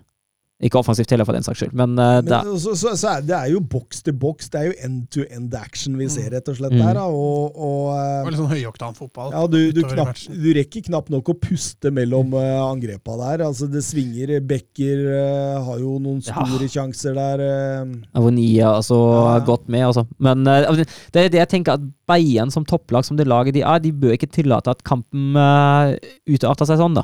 Nei, De ligger jo til en viss grad og vipper der før Koman eh, banker den Ja. nærmeste der på 4-1. Grei scoring, da. Ja, det var en nydelig scoring. Eh, Julian Ryerson eh, setter eh, 2-4 også på sin første touch. Ja. Gjør det det? Første Bundesliga-mål for ham òg. Stemmer det. Det var, det var artig. Eh, Det var artig, men, eh, men, men, eh, men, men eh, Bayern München er Bayern München, og Thomas Müller er Thomas Müller. og på 2-5 der så var det jo ikke noe vei tilbake. Nei, altså, Nydelig gjort av Upamecano, som, som sprinta fram uh, over halve banen. Og Ja, det- assisterer. Den var, den Ja, var fin. Ja. Ja, den var fin. Den var, Trodde det var Davies først. Han kommer jo ut fra venstre side Ja. der altså. jeg, ser, jeg ser den. Eh, og, og etter 2-5 så er jo Bayern nærmere 2-6 en redusering. Da har jo Union eh, gått litt i oppløsning. Men jeg leste, er dette Union Berlins første Bundesligatap hjemme siden september 2019? Mm, stemmer på på Ja, Ja, det, det er Ja. to år! ja, ja det stemmer nok, det. Tror jeg. Eller var det, det var i september 2020, men det var en evighet de tapte sist. Jeg lurer, jeg, lurer på om, det- jeg lurer på om det var september 2020 også, ikke 2019. Ah, ok, det Jeg lurer- 2019 der Ja, ok. jeg leste. Jeg skjønner tror det var 2020. Ja. Uten at jeg vil være Ja, det, det, skråsikker nå, det men er litt mer logisk. Ja, jeg, jeg tror det var 2020. Kanskje du leser en artikkel fra 2020? Ja, kanskje. Men uh, de, Men de er, altså, de er jo De er kjempegode på hjemmebane. Absolutt. Eh, Bayern München har skåret 57 Bundesliga-kamper på rad nå. 37 mål på 10 serierunder, men har fortsatt ikke holdt buret reint på bortebane. Nei, men det er de 37 etter 10 serierunder, det er jo ny Bundesliga-rekord i år. Og det havner jo, hvis, hvis, hvis det snittet holder seg, havner de på langt over 100. Det er ganske sjukt. Det er ganske sjukt. Ja, det må bare ikke repetere sånne Gladbach-kamper, så går det fint. Eh, vi må ta noen ord med, om eh, Frankfurt mot RB Leipzig også. Ja, jeg syns jo i starten ser man da at det er to lag som sliter med å skape sjanser mot et Sliter litt med selvtilliten, Ja, begge og, to. og sliter Og har liksom de samme problemene at de sliter mot etablert forsvar. Mm. Um, den 0-1-skåringen til Poulsen etter 35 det blir jo en form for boksåpner uh, ved at Frankfurt begynner å bli prega av det. Uh, et, uh, før pause, og så blir glassene mer og mer offensivt etter hvert. Bytter inn flere og flere offensive spillere.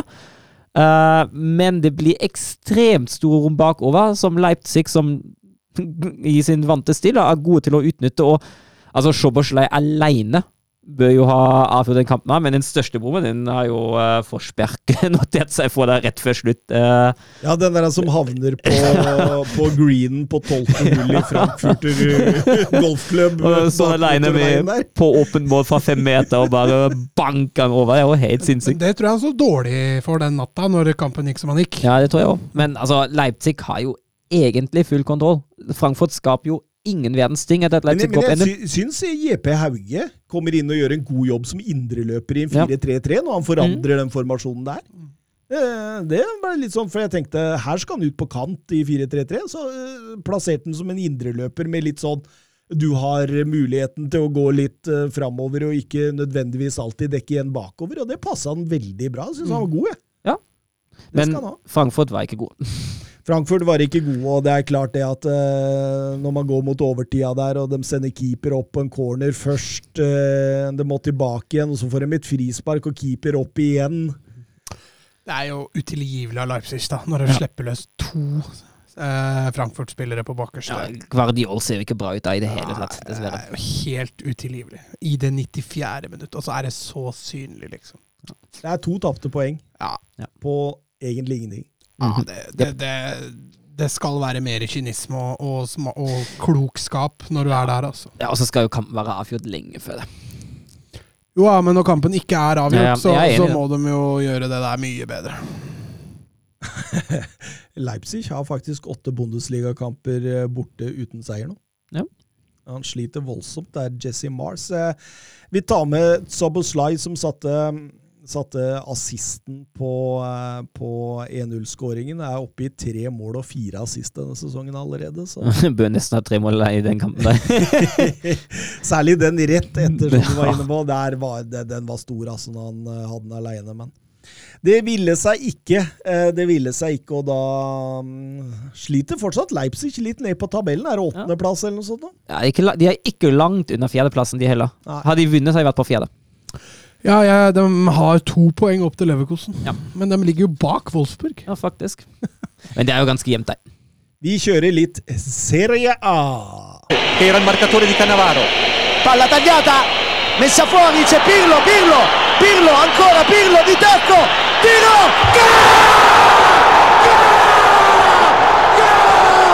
Grosso, Grosso, gol, gol di Grosso, gol di Grosso.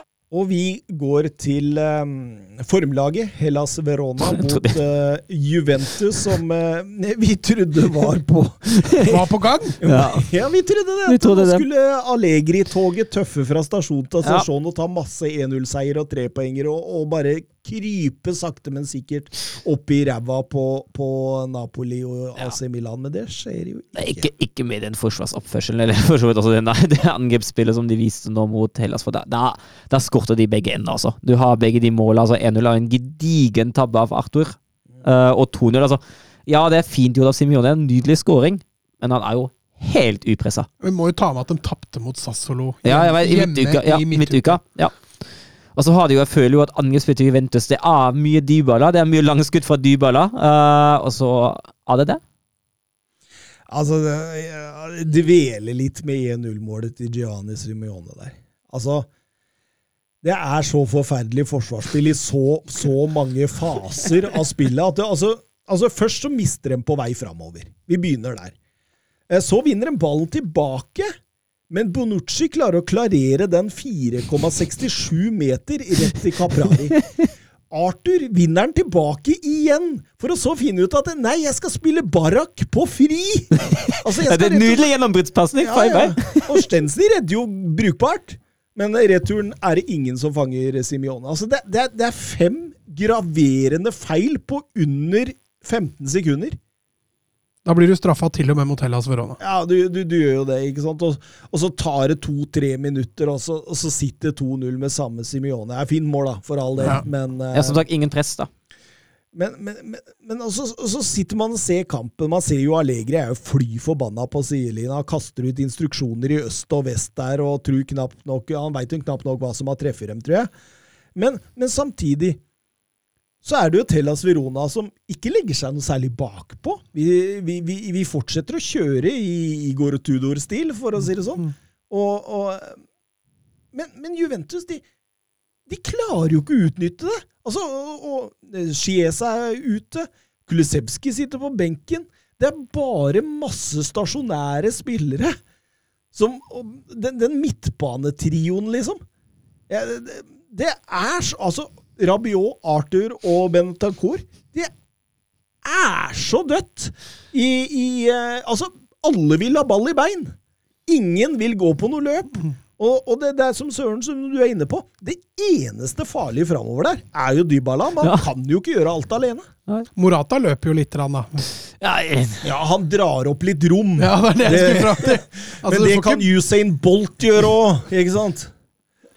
Det er, det, det, dette her For meg så er dette og, Nei, Og nå er, det, nå er det vel 16 poeng? ja nå, nå er jeg faktisk på å vingle, altså. Ja, jeg har vingla for lenge siden. Ja. Jeg tror ikke det der, der Nei, jeg tror ikke det fire engang. Ikke, ikke som det ser ut nå, nei. Mats tenker skal jeg Nei. gjøre som eh, med Arteta? Ja, Jeg skal jeg stå i det. stå Få rett til slutt. Nei, seriegullet nå, det er jeg enig i. Det ser eh, Det ser veldig Ja, men hvilket vi, altså Sånn vi har sett Juventus nå foreløpig Jo, sånn men det er så så flere Juventus lag som sesong. fortsatt Altså Hvis du tenker topp fire, da. Ja. Seriegull det er jeg enig i. Altså, det begynner å bli langt opp til Napoli og Milan nå. Altså. Men topp fire, da. Altså, det er fortsatt bare fire poeng opp. Mm, det Jo, jo, det er det. Men da må jo det noe drastisk skje her. Jo, men du ser laga foran. Dem, dem surrer, dem òg. Roma dem har halta i år. Eh, Inter har jo surra rett til i år. Eh, Atalanta starta jo seint. Altså, Jo, men det er så mange av dem. Altså, Du har Lazio der som kan komme fort over dem. Altså, Det er så mange. Og, og Juventus ser jo ut som det laget som har minst å fare med offensivt. Og når de begynner sånn defensivt som de gjort det med Hellas Verona her også, det kan godt hende Hellas Verona havner over òg, for det der, det er rett og slett latterlig, altså. ja, men, men altså, hvis du ser bort fra de to siste, da. De fem før der var jo solide. 1-0-seire, typisk Allegri. Jeg tror ikke vi skal begynne å halshogge dem etter to svake kamper eh, kort, kort tid etter hverandre. Slår dem vel Chelsea Nei, de møtte ikke Chelsea i dag? gjorde de? Nei, Chelsea møtte Malmö borte Ja. der. Stemmer det. Eh, men eh, ja, Hellas Verona de Jeg vil ikke vite jo noen resultater, Søren. Så du får se si noe. De overlater jo mer av spillet til Juventus utover i annen omgang. Ja da, Juventus kommer jo litt høyere i banen og eh, får jo skåringen sin seint, men eh, det hjelper ikke. Juventus har sluppet inn 15 mål på sine første 11 for første gang siden 1961-62-sesongen. Da endte de på tolvteplass. Kanskje Pirlo gjorde en vanvittig god jobb. Han er bare helt rå. Kanskje Ja. Barca burde Henta han. eh, Og etter Igor Tudor tok over eh, Hellas Verona, er det kun Milan og Napoli som har tatt flere poeng enn Hellas Verona. Mm. Tenk det! Gamle Igor Tudor som Var Juventus-stjerne. Ja, han spilte jo der i en god del år, ja. Eh, var også assistenten til Pirlo. Eh, så, det, så han har jo eh, Juventus-DNA i kroppen sin, det er helt klart. Eh, 2-1-tap for Juventus her nå, det er jo skrekkelig. Det er rett og slett skrekkelig. Og måten det skjedde på, at man kommer under på 13 minutter, og så Jeg tror statistikken er noe sånn avslutninger 5-4 til Hellas Verona til slutt.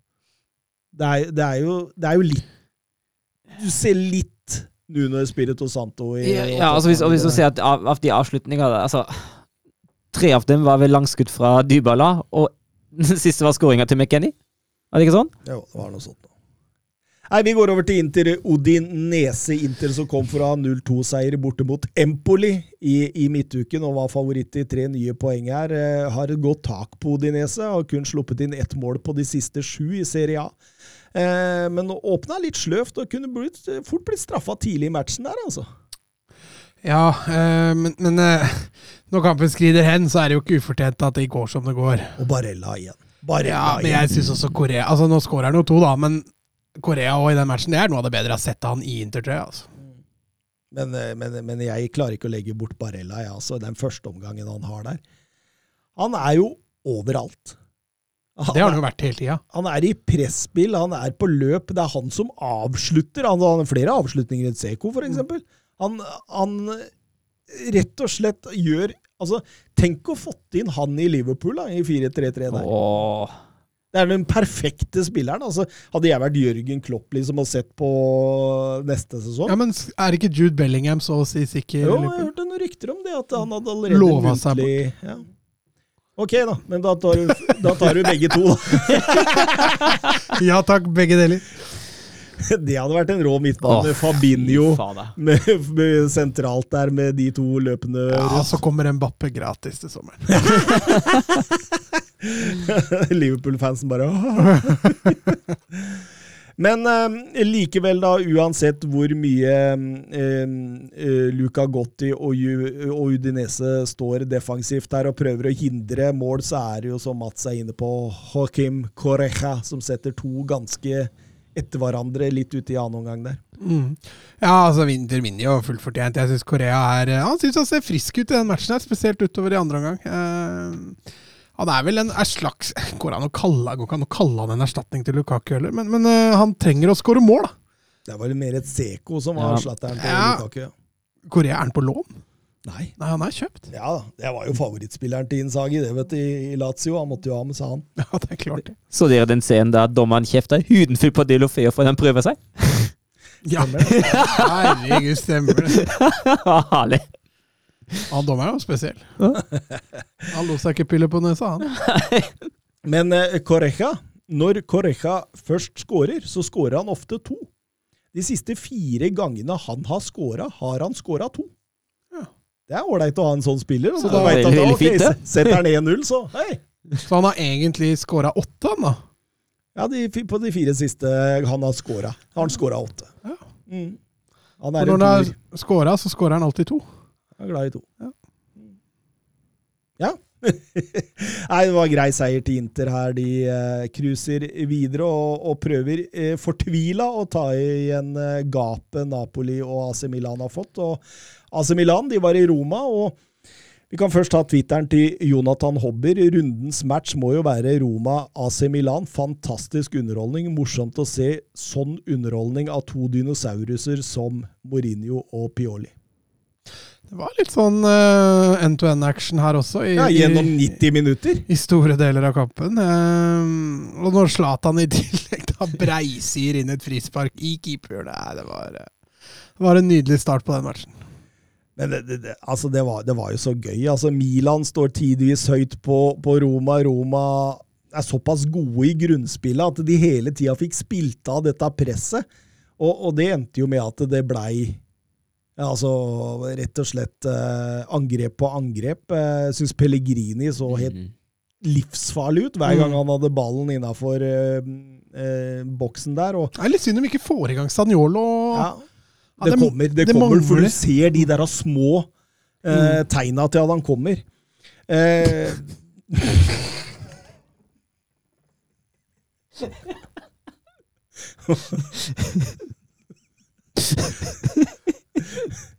Ja, jeg ser det, ja. men det ser ut som både Mourinho og Pioli bare har kasta hanskene og sagt 'angrip' til spillerne sine i den kampen her. Det var helt vilt. Måtte ta deg litt julebrus, Mats. ja. Ta en liten pause der. Ja, men han kommer, det skal jeg love deg, han kommer til å bli strålende utover. Han må bare få nok match, match matcher i beina. Men uh, som sagt, breiser 1-0 langs bakken. Uh, Rui Patricio det er ikke veldig den, bra der. den skal han ta, egentlig. Er ikke patent keeperspill, nei. Men det var vel Zlatans uh, 150. seriemål? Ja, Og 400. 400. seriemål. Ja. Det er sterkt, det. Absolutt, og da var det bare Ja, tenk én deg, han er på 800 han, da, når han er under 80. Men da er det bare 1-0 til pause, til tross for at det kunne vært 4-4. Mm. Eh, og dette fortsetter jo i annen omgang. Like åpent. Eh, enormt trykk. Eh, svinger voldsomt og Mye gule kort. mye gule kort. Eh, og straffespark til AC Milan, som er veldig soft, syns jeg der.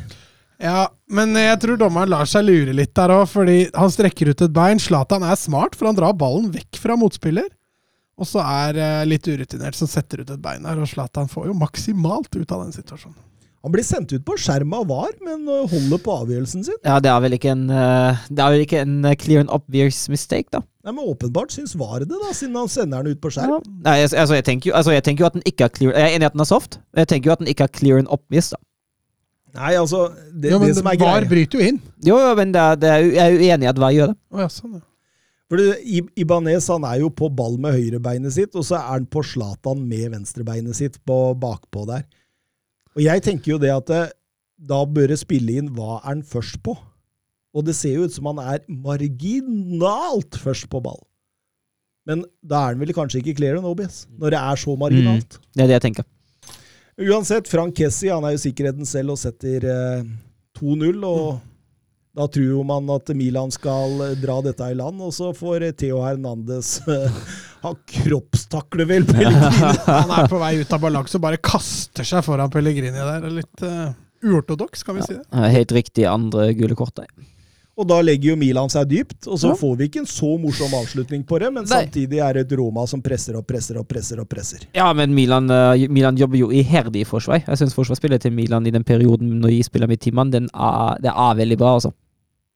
Ja, absolutt. Eh, Syns de, eh, syns de drar det godt. Altså det, altså, det jeg reagerte litt på med Roma, er at det, de virker litt for utålmodige. Så de tar så mange langskudd i, i dårlige posisjoner, hvor de kunne spilt på enda mer press og trykka på enda mer. Så kommer det masse dårlige langskudd der. og Eh, El Sharawi han sitter, setter jo eh, 2-1-reduseringa på overtid, men det, det holder jo ikke, og dermed taper Mourinho sin første Serie A-kamp hjemme. Det måtte gå 43 kamper. Så på det. Det henger litt fra intertida Mm, der. ja. Det gjør vel det. AC Milan er kun det fjerde laget i Serie A's historie som vinner 10 av 11 kamper i Serie A. Det samme har jo Napoli gjort denne sesongen, men de har gjort det en gang tidligere.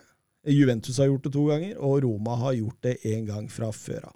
Ellers så kan vi nevne at eh, Napoli tok eh, en 1-0, knapp 1-0-seier borte mot Salariterna. Eh, Stefan Strandberg var vel involvert i det baklengset.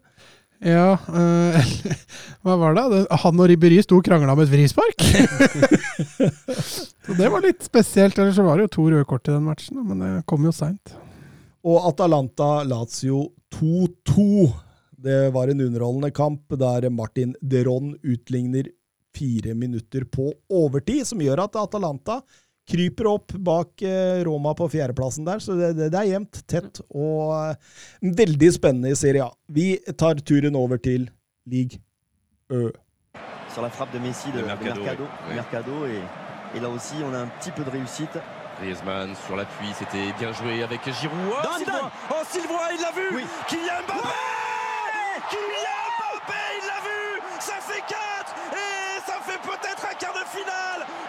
l'équipe de France 68e minute Oh, la joie collective parce qu'ils ont tous jailli du banc pour aller saluer cette passe décisive géniale de Giroud et ce doublé pour Kylian Mbappé Og rosinen i pølsa i Ligue Ø, det var vel PSG mot Lill.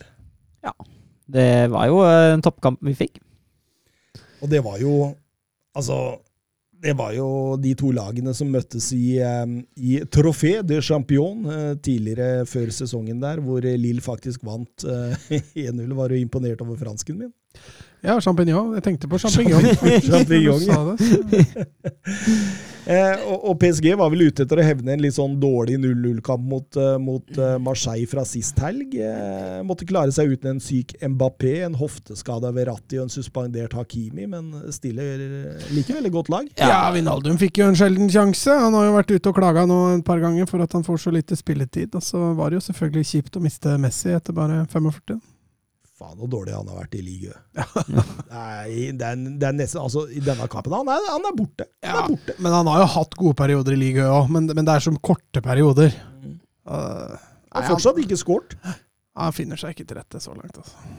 Nei, altså, Ayo, jeg synes jo altså, Hvis vi ser på kampen, da, syns jeg at det er en sånn typisk PSG-kamp som vi har snakka om så mange ganger før. Jeg syns det, er- det varierer voldsomt også innad i kamper. Ja, det er første gangen til PSG. Det- det er fryktelig. Det, det er flatt. Det er fryktelig, altså. Men Lille er gode. Ja da, og Jonathan David og, og Ylmas der, de har jo tidvis lekestue med Du ser Ikone og Bamba, da, David og Ylmas. De Mm. stuper i, i angrep hver gang det altså, kommer De får jo Ylmas til å se ut som han er 22 år, da. Den kroppsfinta han drar på Kerer her, eller hvem det er. altså...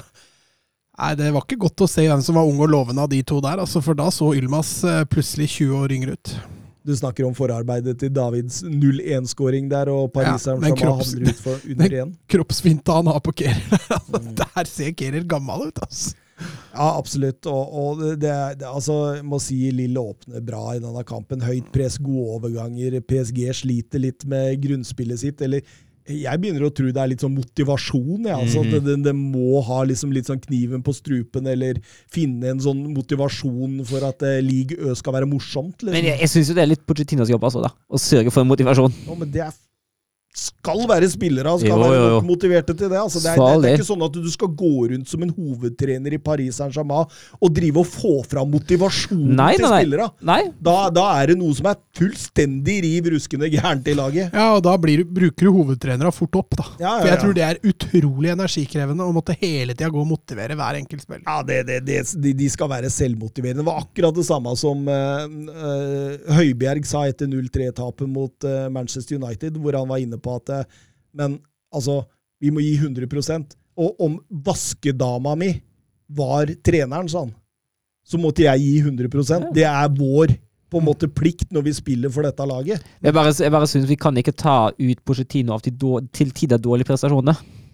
Nei, for så vidt. Det, det, det, altså, han, han har jo selvfølgelig litt ansvar overfor dette, men, men samtidig Han kan ikke fly rundt og, og motivere Nei, disse. nei. Altså, altså, dette er spillere som tjener x antall millioner kroner og er verdensstjerne på verdensstjerne på verdensstjerne. Kosta ditt og kosta datt. Mm. Og så, og, så, og så går du rundt og spiller fotball mot Lill, og du gidder knapt nok å forsvare. Det er to gode spillere på den banen der i første omgang. Det er Markinios og, og Di Maria for uh, PSG. Resten er egentlig søppel. Det ser ikke ut som noen toppspillere. da. Nei, overhodet ikke. Det, Messi er usynlig, Neymar får knapt nok ball. Eh, Kim Pembo syns jeg roter fælt. Så nei, jeg er helt enig med deg. vi må jo til 60-70 minutter før PSG ser ut som at nei, nå har vi lyst til å spille fotball. Ja, og det er jo igjen Di Maria som, eh, som preger det hele der. Det er Neymar melder seg. Ja, jo, men jeg syns Di Maria er kampens store spiller. Ja, Di Maria var helt rå. Men samtidig, altså, så, så ser du, du ser tegn da, til at uh, Lill begynner å bli usikre. Du ser Renato Sanchez og José Font og de diskuterer mye, blir veldig rådville. Og, og PSG kjører høyt på. Uh, får Neymar mer på ball. Eh, og, og Lill får ikke kjørt overgangene, så presset blir vedvarende isteden. Og, og da at Markinio satt 1-1 der, det, det, er, det er jo et resultat av trykk over tid. Ja, og Icardi kunne jo hatt hat trick de siste 20 der. Ja, Han kom inn for Messi i pausa der. Ja, han brenner to vanvittig store sjanser, altså. Og så ser det ut som det går mot 1-1, Søren. Det gjør det. Lenge. Lenge. Og så er det en vanvittig prestasjon av Angel Di Maria. Ja. Ja, han får med seg Neymar der på en eh, fin vegg, hva kaller det det? Eh, Lang vegg. En lang vegg. Han får den igjen, og så breiser han den i hjørnet under hardt press. Mm. Eh, Så det er Altså, han utviser stor balanse, oversikt og ferdigheter i én og samme frekvens, egentlig. Og det hører litt med i PSGs historie at som regel klarer de seg likevel i liga. Ja, de gjør det. Og, og man må jo skryte litt av dem òg, fordi de har tatt hele åtte poeng som de kunne ha tapt fra 85 minutter og ut. Ja. Så det er åpenbart at de har det der lille giret, da. Men da, da, da er det mer tvunget igjen, ikke sant. Champions League, det er lettmotiverende. Her skal, dette skal vi gjøre. League Ø, vi leder allerede med en haug av poeng. Dette er ikke spennende. Vanskelig å motivere. Hadde, hadde dere kanskje Monaco, Marseille, Nice ligget opp i ryggen, så kan det godt hende det har vært andre typer Ja, de kamper. surra jo i fjor vår òg, da. Mm. Og da ble Det, det er et godt poeng. Ja, da ble de med nummer to. Så det er klart, De burde jo være ekstra gira for å ta tilbake tronen i år. Eh, Og det er som du sier, de leder vel med åtte poeng eller noe sånt ned til NIS. Så De kommer til å vinne likevel. ja, ja. Men eh, spørsmålet er jo bare De mister jo litt integritet da, når de eh, viser dette, liksom. Nesten uke inn uke ut. Lyon vant eh, 2-1 over eh, Lans, og, og dermed er Peter Bosch sine menn på sjetteplass, tolv poeng bak eh, PSG. NIS beholder andreplassen etter 1-2 mot Angers borte, åtte poeng bak PSG, som du var inne på, Søren. Monaco taper 2-0 over Brest borte. Det svinger noe voldsomt i Monaco, så det er helt sykt. Ja, men eh, spørs om ikke jobben begynner å spøke for Nei, Niko Kovac det kan Altså. fort være det, altså. Og Marseille vinner 0-1 borte mot Clermont og har tatt tredjeplassen. Matchvinner Schengis under nok en gang han har funnet nivået sitt der i ligaen, tror jeg. En liten morsom statistikk før vi går over på europahjørnet. Vet dere hvilken eh, liga, topp fem-liga som har flest straffespark i seg så langt? Eh, Siden vi snakker om Ligue 1, nå tipper jeg at det er Ligue 1. Hva tenker du, Mats? Jeg ville svart det samme som Søren, men nå kan jeg jo ikke det. Så da får jeg si eh, La Liga er jo ikke, der spiller man jo knapt nok fotball. Så Bundesliga se, eh, Serie A. Serie A, det er riktig. Det er 0,48 per kamp, dvs. Si en halv straffespark per match. Ja. Eh, La Liga nummer to. League Ø nummer tre. Bundesliga nummer fire. Og Premier League har bare 0,23 per kamp. Eh, Det gjør slutt å blåse straffen. Ja, der har det blitt eh, Man har stramma inn. Vi kjører en Rolf Tore, eller hva? Nei. Tor Håkon. Tor Håkon. Tor- Rolf Tore. Det er bare enda verre. Bra jobba, gutta! Bra ball! Nei! Ah, grei offside. Tor Håkon, den er grei. Tor Håkon! Nei, Tor Håkon, det var din egen skyld. Ikke bli sint for det, i hvert fall. da. Tor Håkon, ikke kjeft på dommeren. Og ikke kjeft på dommeren. Tor Håkon, nå hører du på dommeren. Er hver gang, altså. Da kan vi jo egentlig, i tilfelle du må rekke den bussen, Søren, kan vi begynne med din eh, oppdatering først. Ajax. Ja, de hadde en eh, bortekamp mot Herakles Almelo, i Almelo. Eh, kom jo fra, i serien fra en fin 5-0 mot uh, PSV, laget som lå rett bak. Vant jo 4-0 på hjemmebane mot Dortmund i Champions League. Skårer vanvittig med mål for tida. Ja, og så går du til uh, borte mot eh, Herakles, og så finner man ikke helt ut av det. Eh, jeg syns ikke det er den samme typiske Ajax-kampen som vi har sett så mange ganger i år. Uh, synes det, det, det er litt, litt dårlig presisjon. Eh, eh, Herakles er riktignok dyptliggende, men Ajax har vist at de kan takle det òg. Og når de først kommer seg til sjanser, for de, har- de har jo noen, noen gode sjanser, så er det dårlige avslutninger, rett og slett. Samtidig, og altså Sali i Det, det er én feit enn i første omgang, men sånn, litt sånn halvveis ut i andre omgang. Altså, er sånn sur i, i forsvarsspillet. sa de på overganger, og Herakles kommer til noen, eh, til noen feite muligheter. Og Ajax har 71% possession i den kampen. der. Ajax hadde klart førende og beste laget. Men får det ikke helt til å stemme, og kampen ender altså med en skuffende 0-0. Oi, oi, oi, oi. oi. Borte mot Herakles. Et Ja. tredje poengtap eh, til Ajax nå denne sesongen. her. Ja. Det er overraskende greier. Eh, Anderlecht, eh, Mats? Jo, Anderlecht kom jo fra et imponerende match sist, hvor de eh, rett og slett spilte motstanderen av banen. Nå var det jo langt større forventninger for eh, Louvain, som kom på besøk. De kjempa jo med ryggen mot veggen i nedrykksstriden, mens Anderlecht de skal jo konkurrere om å havne topp fire for å spille i denne europakvalikopplegget som man har i mm, Belgia. Det gikk ikke helt som planlagt. Jeg tror nok kanskje de undervurderte litt, for det første kvarteret er noe av det dårligste jeg noen gang har sett dette Anderlecht-laget spille. Eh, De hadde vanvittige avstander opp til motstander. Motstanderne fikk jo til å gjøre nesten akkurat som de ville. Og de ligger under 2-0 før det er spilt et kvarter. Ja. Og det var- dro en lite Juventus Ja, det var, det var pinlige saker, altså. Det, og jeg tror Company han, han, altså han kokte på sidelinjen. Han var så forbanna. Eh, og så får de en livline rett før pause, når Joshua Sirksi setter eh, 1-2. Eh, og i andre omgang så er det et helt annet Anderlecht-lag på banen. Da var det mye høyere aggressivitet. Det var eh, mye mer framoverretta. Kombinasjonsspillet satt i langt større grad. Eh, og man satt egentlig bare og venta på at 2-2 skulle komme. I stedet så får Murillo rødt kort etter 70 minutter. Eh, Da spiller plutselig Anderlecht med en mann mindre, og kampen eh, jevner seg mer ut igjen. Eh, Allikevel, fire minutter på overtid, så får Sirksi 2-2. Til ellevill jubel eh, fra, fra både benk og, og spillere og hele pakka. Eh, I tillegg da så får altså Ashimeru gult, rødt kort på slutten. Så Anderlecht går av banen med 2-2 og to røde kort mot et lag de egentlig burde vinne greit mot. Og Sirksi han har funnet sitt nivå, han òg. Ja, kan, kan, vi, kan vi heller si at belgisk fotball tilsvarer nivået til Sirksi? Eh, For mitt kjære Sporting, eh, så møtte de Vitoria di Giamares eh, hjemme. Det Husker dere sist gang jeg snakka om at Sporting vant 1-0 etter en litt kjedelig kamp mot Moreirense, og Sebastian Coates ble kampens eneste målskårer? Er det samme igjen? Ja.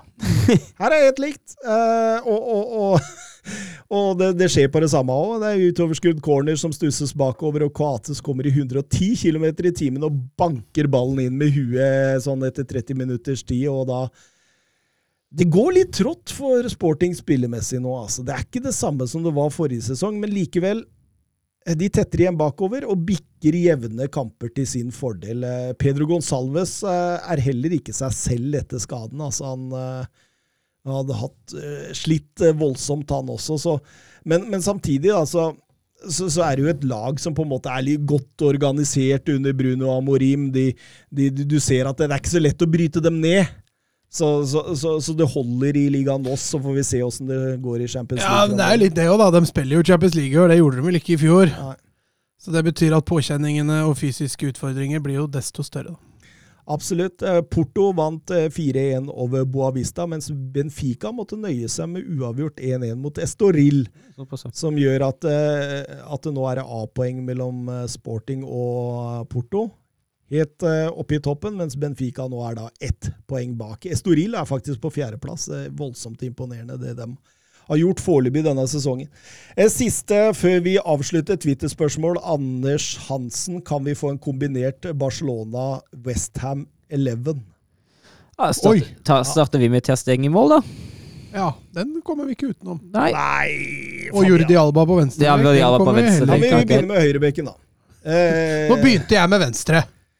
Vi må gjøre i 90 minutters ånd, og da begynner vi alltid fra høyre. Men Barca sliter jo litt, da, for vi spiller jo ikke 4-4-2. Det gjør jo Westham. West Ham. men, men det Anders Hansen er ute etter her nå, da, det er jo at vår mening på hvor mange Westham-spillere er Gode kunne nok gått inn oh, ja, i sånn, Barcelona. Sånn. Okay, okay. Det, det, det er sannsynligvis det han vi er ute etter. ja. Nei, jeg føler jo at Sjofal eller Dess, da, eller Guesa. Jeg, jeg føler Sjofal Ja, eller Ben Johnson eh, Ja, er- holder nivået på høyrebekken til Barcelona Ja, ja jeg hadde valgt Sjofal, faktisk. tror jeg. Mm. Nei, jeg hadde valgt Dest, altså. Poten, med på tanke på potensialet er jeg enig med tanke på at det som presteres per dags dato, Ja. men jeg tror. Helt, helt enig. Men nå, i Barcelona, så må vi basere på potensial, for det er det eneste som er igjen. Nei, nei, nei, nei, vi det, må det er ikke det han er ute etter her, da. Jeg velger Dest. Ja, da ser vi det igjen. Eh, Stoppere? Ja, Piqué må være med. Ja, ta Piqué og Ja. Zuma. Ja, jeg kan være med på det. Ja, Zuma kan vi få inn, men det er fordi Barca mangler en stopper ved siden av Piqué, så det kan være med på den. Ja. Alba på venstre? Ja. Ja. Ja, Cresswell er vel ikke så god. Nei. Eh, sentral midt, Declan Rice. Frenke de Jong? Ja, jeg, ikke- jeg, jeg, Ja, altså, vi tenker Jo, altså, Frenke Jo, men jeg vil ha Pedri og de Jong på indreløpere i så fall. Vi har jo ikke indreløpere, vi spiller 4-2-2. 4-4-2. Ja, jeg har satt opp i 4-3-3, siden det var Var det ikke 90 minutter style, da? Ja, men det. eh, var be- bo- både Barcelona og Altså Westham Ja. spiller en 4-2-3-1, Ja, men greit. men Men vet du hva, da, da kan jeg være med på Rice, Pedri og de Jonge. Det er fint, det. ja, den er jeg òg. Der er jeg, hvis du spiller en 4-3-3. Ja. Ja, Jeg, jeg skulle liksom sette det inn i Barca-stylen. jeg. Ja. det er hardt å vrake Busquets, altså, men det er greit. Declan Rice er nok hakket bedre enn Busquets. as we speak, altså. Eh, og da har vi to kanter og en spiss. Eh, Fati på venstre. Mm. Ja, og Antonio på spissen, i hvert fall. Ja. Konkurranse med Braithwaite og de Jong, så vinner han jo det. Så tror jeg Hvem er høyre da? Ja, Bowen eller Depay, da? Jeg har hatt Bowen. Ja. Sånn på, basert på denne sesongen. Ja, men basert på at de skal spille som Barcelona. Da er det Depay. Så jeg går for Depay. Mm, jeg, jeg støtter Mats. jeg. Jeg går for Bowen, bare så det er sagt. Jeg syns han er hakket bedre. Um, det betyr at vi til sammen da fikk sju Barcelona-spillere og fire Westham-spillere. Ja. Mm. Det lover jo bra! Sa han med et lite sukk. Nei, men da avslutter vi, da. Så da høres vi ikke igjen neste tirsdag, men litt utover i uka. Ja. Mm. Vi sier det sånn. Ha det bra. Ha det. Messi. surging forward with real menace here. Brilliant from Messi.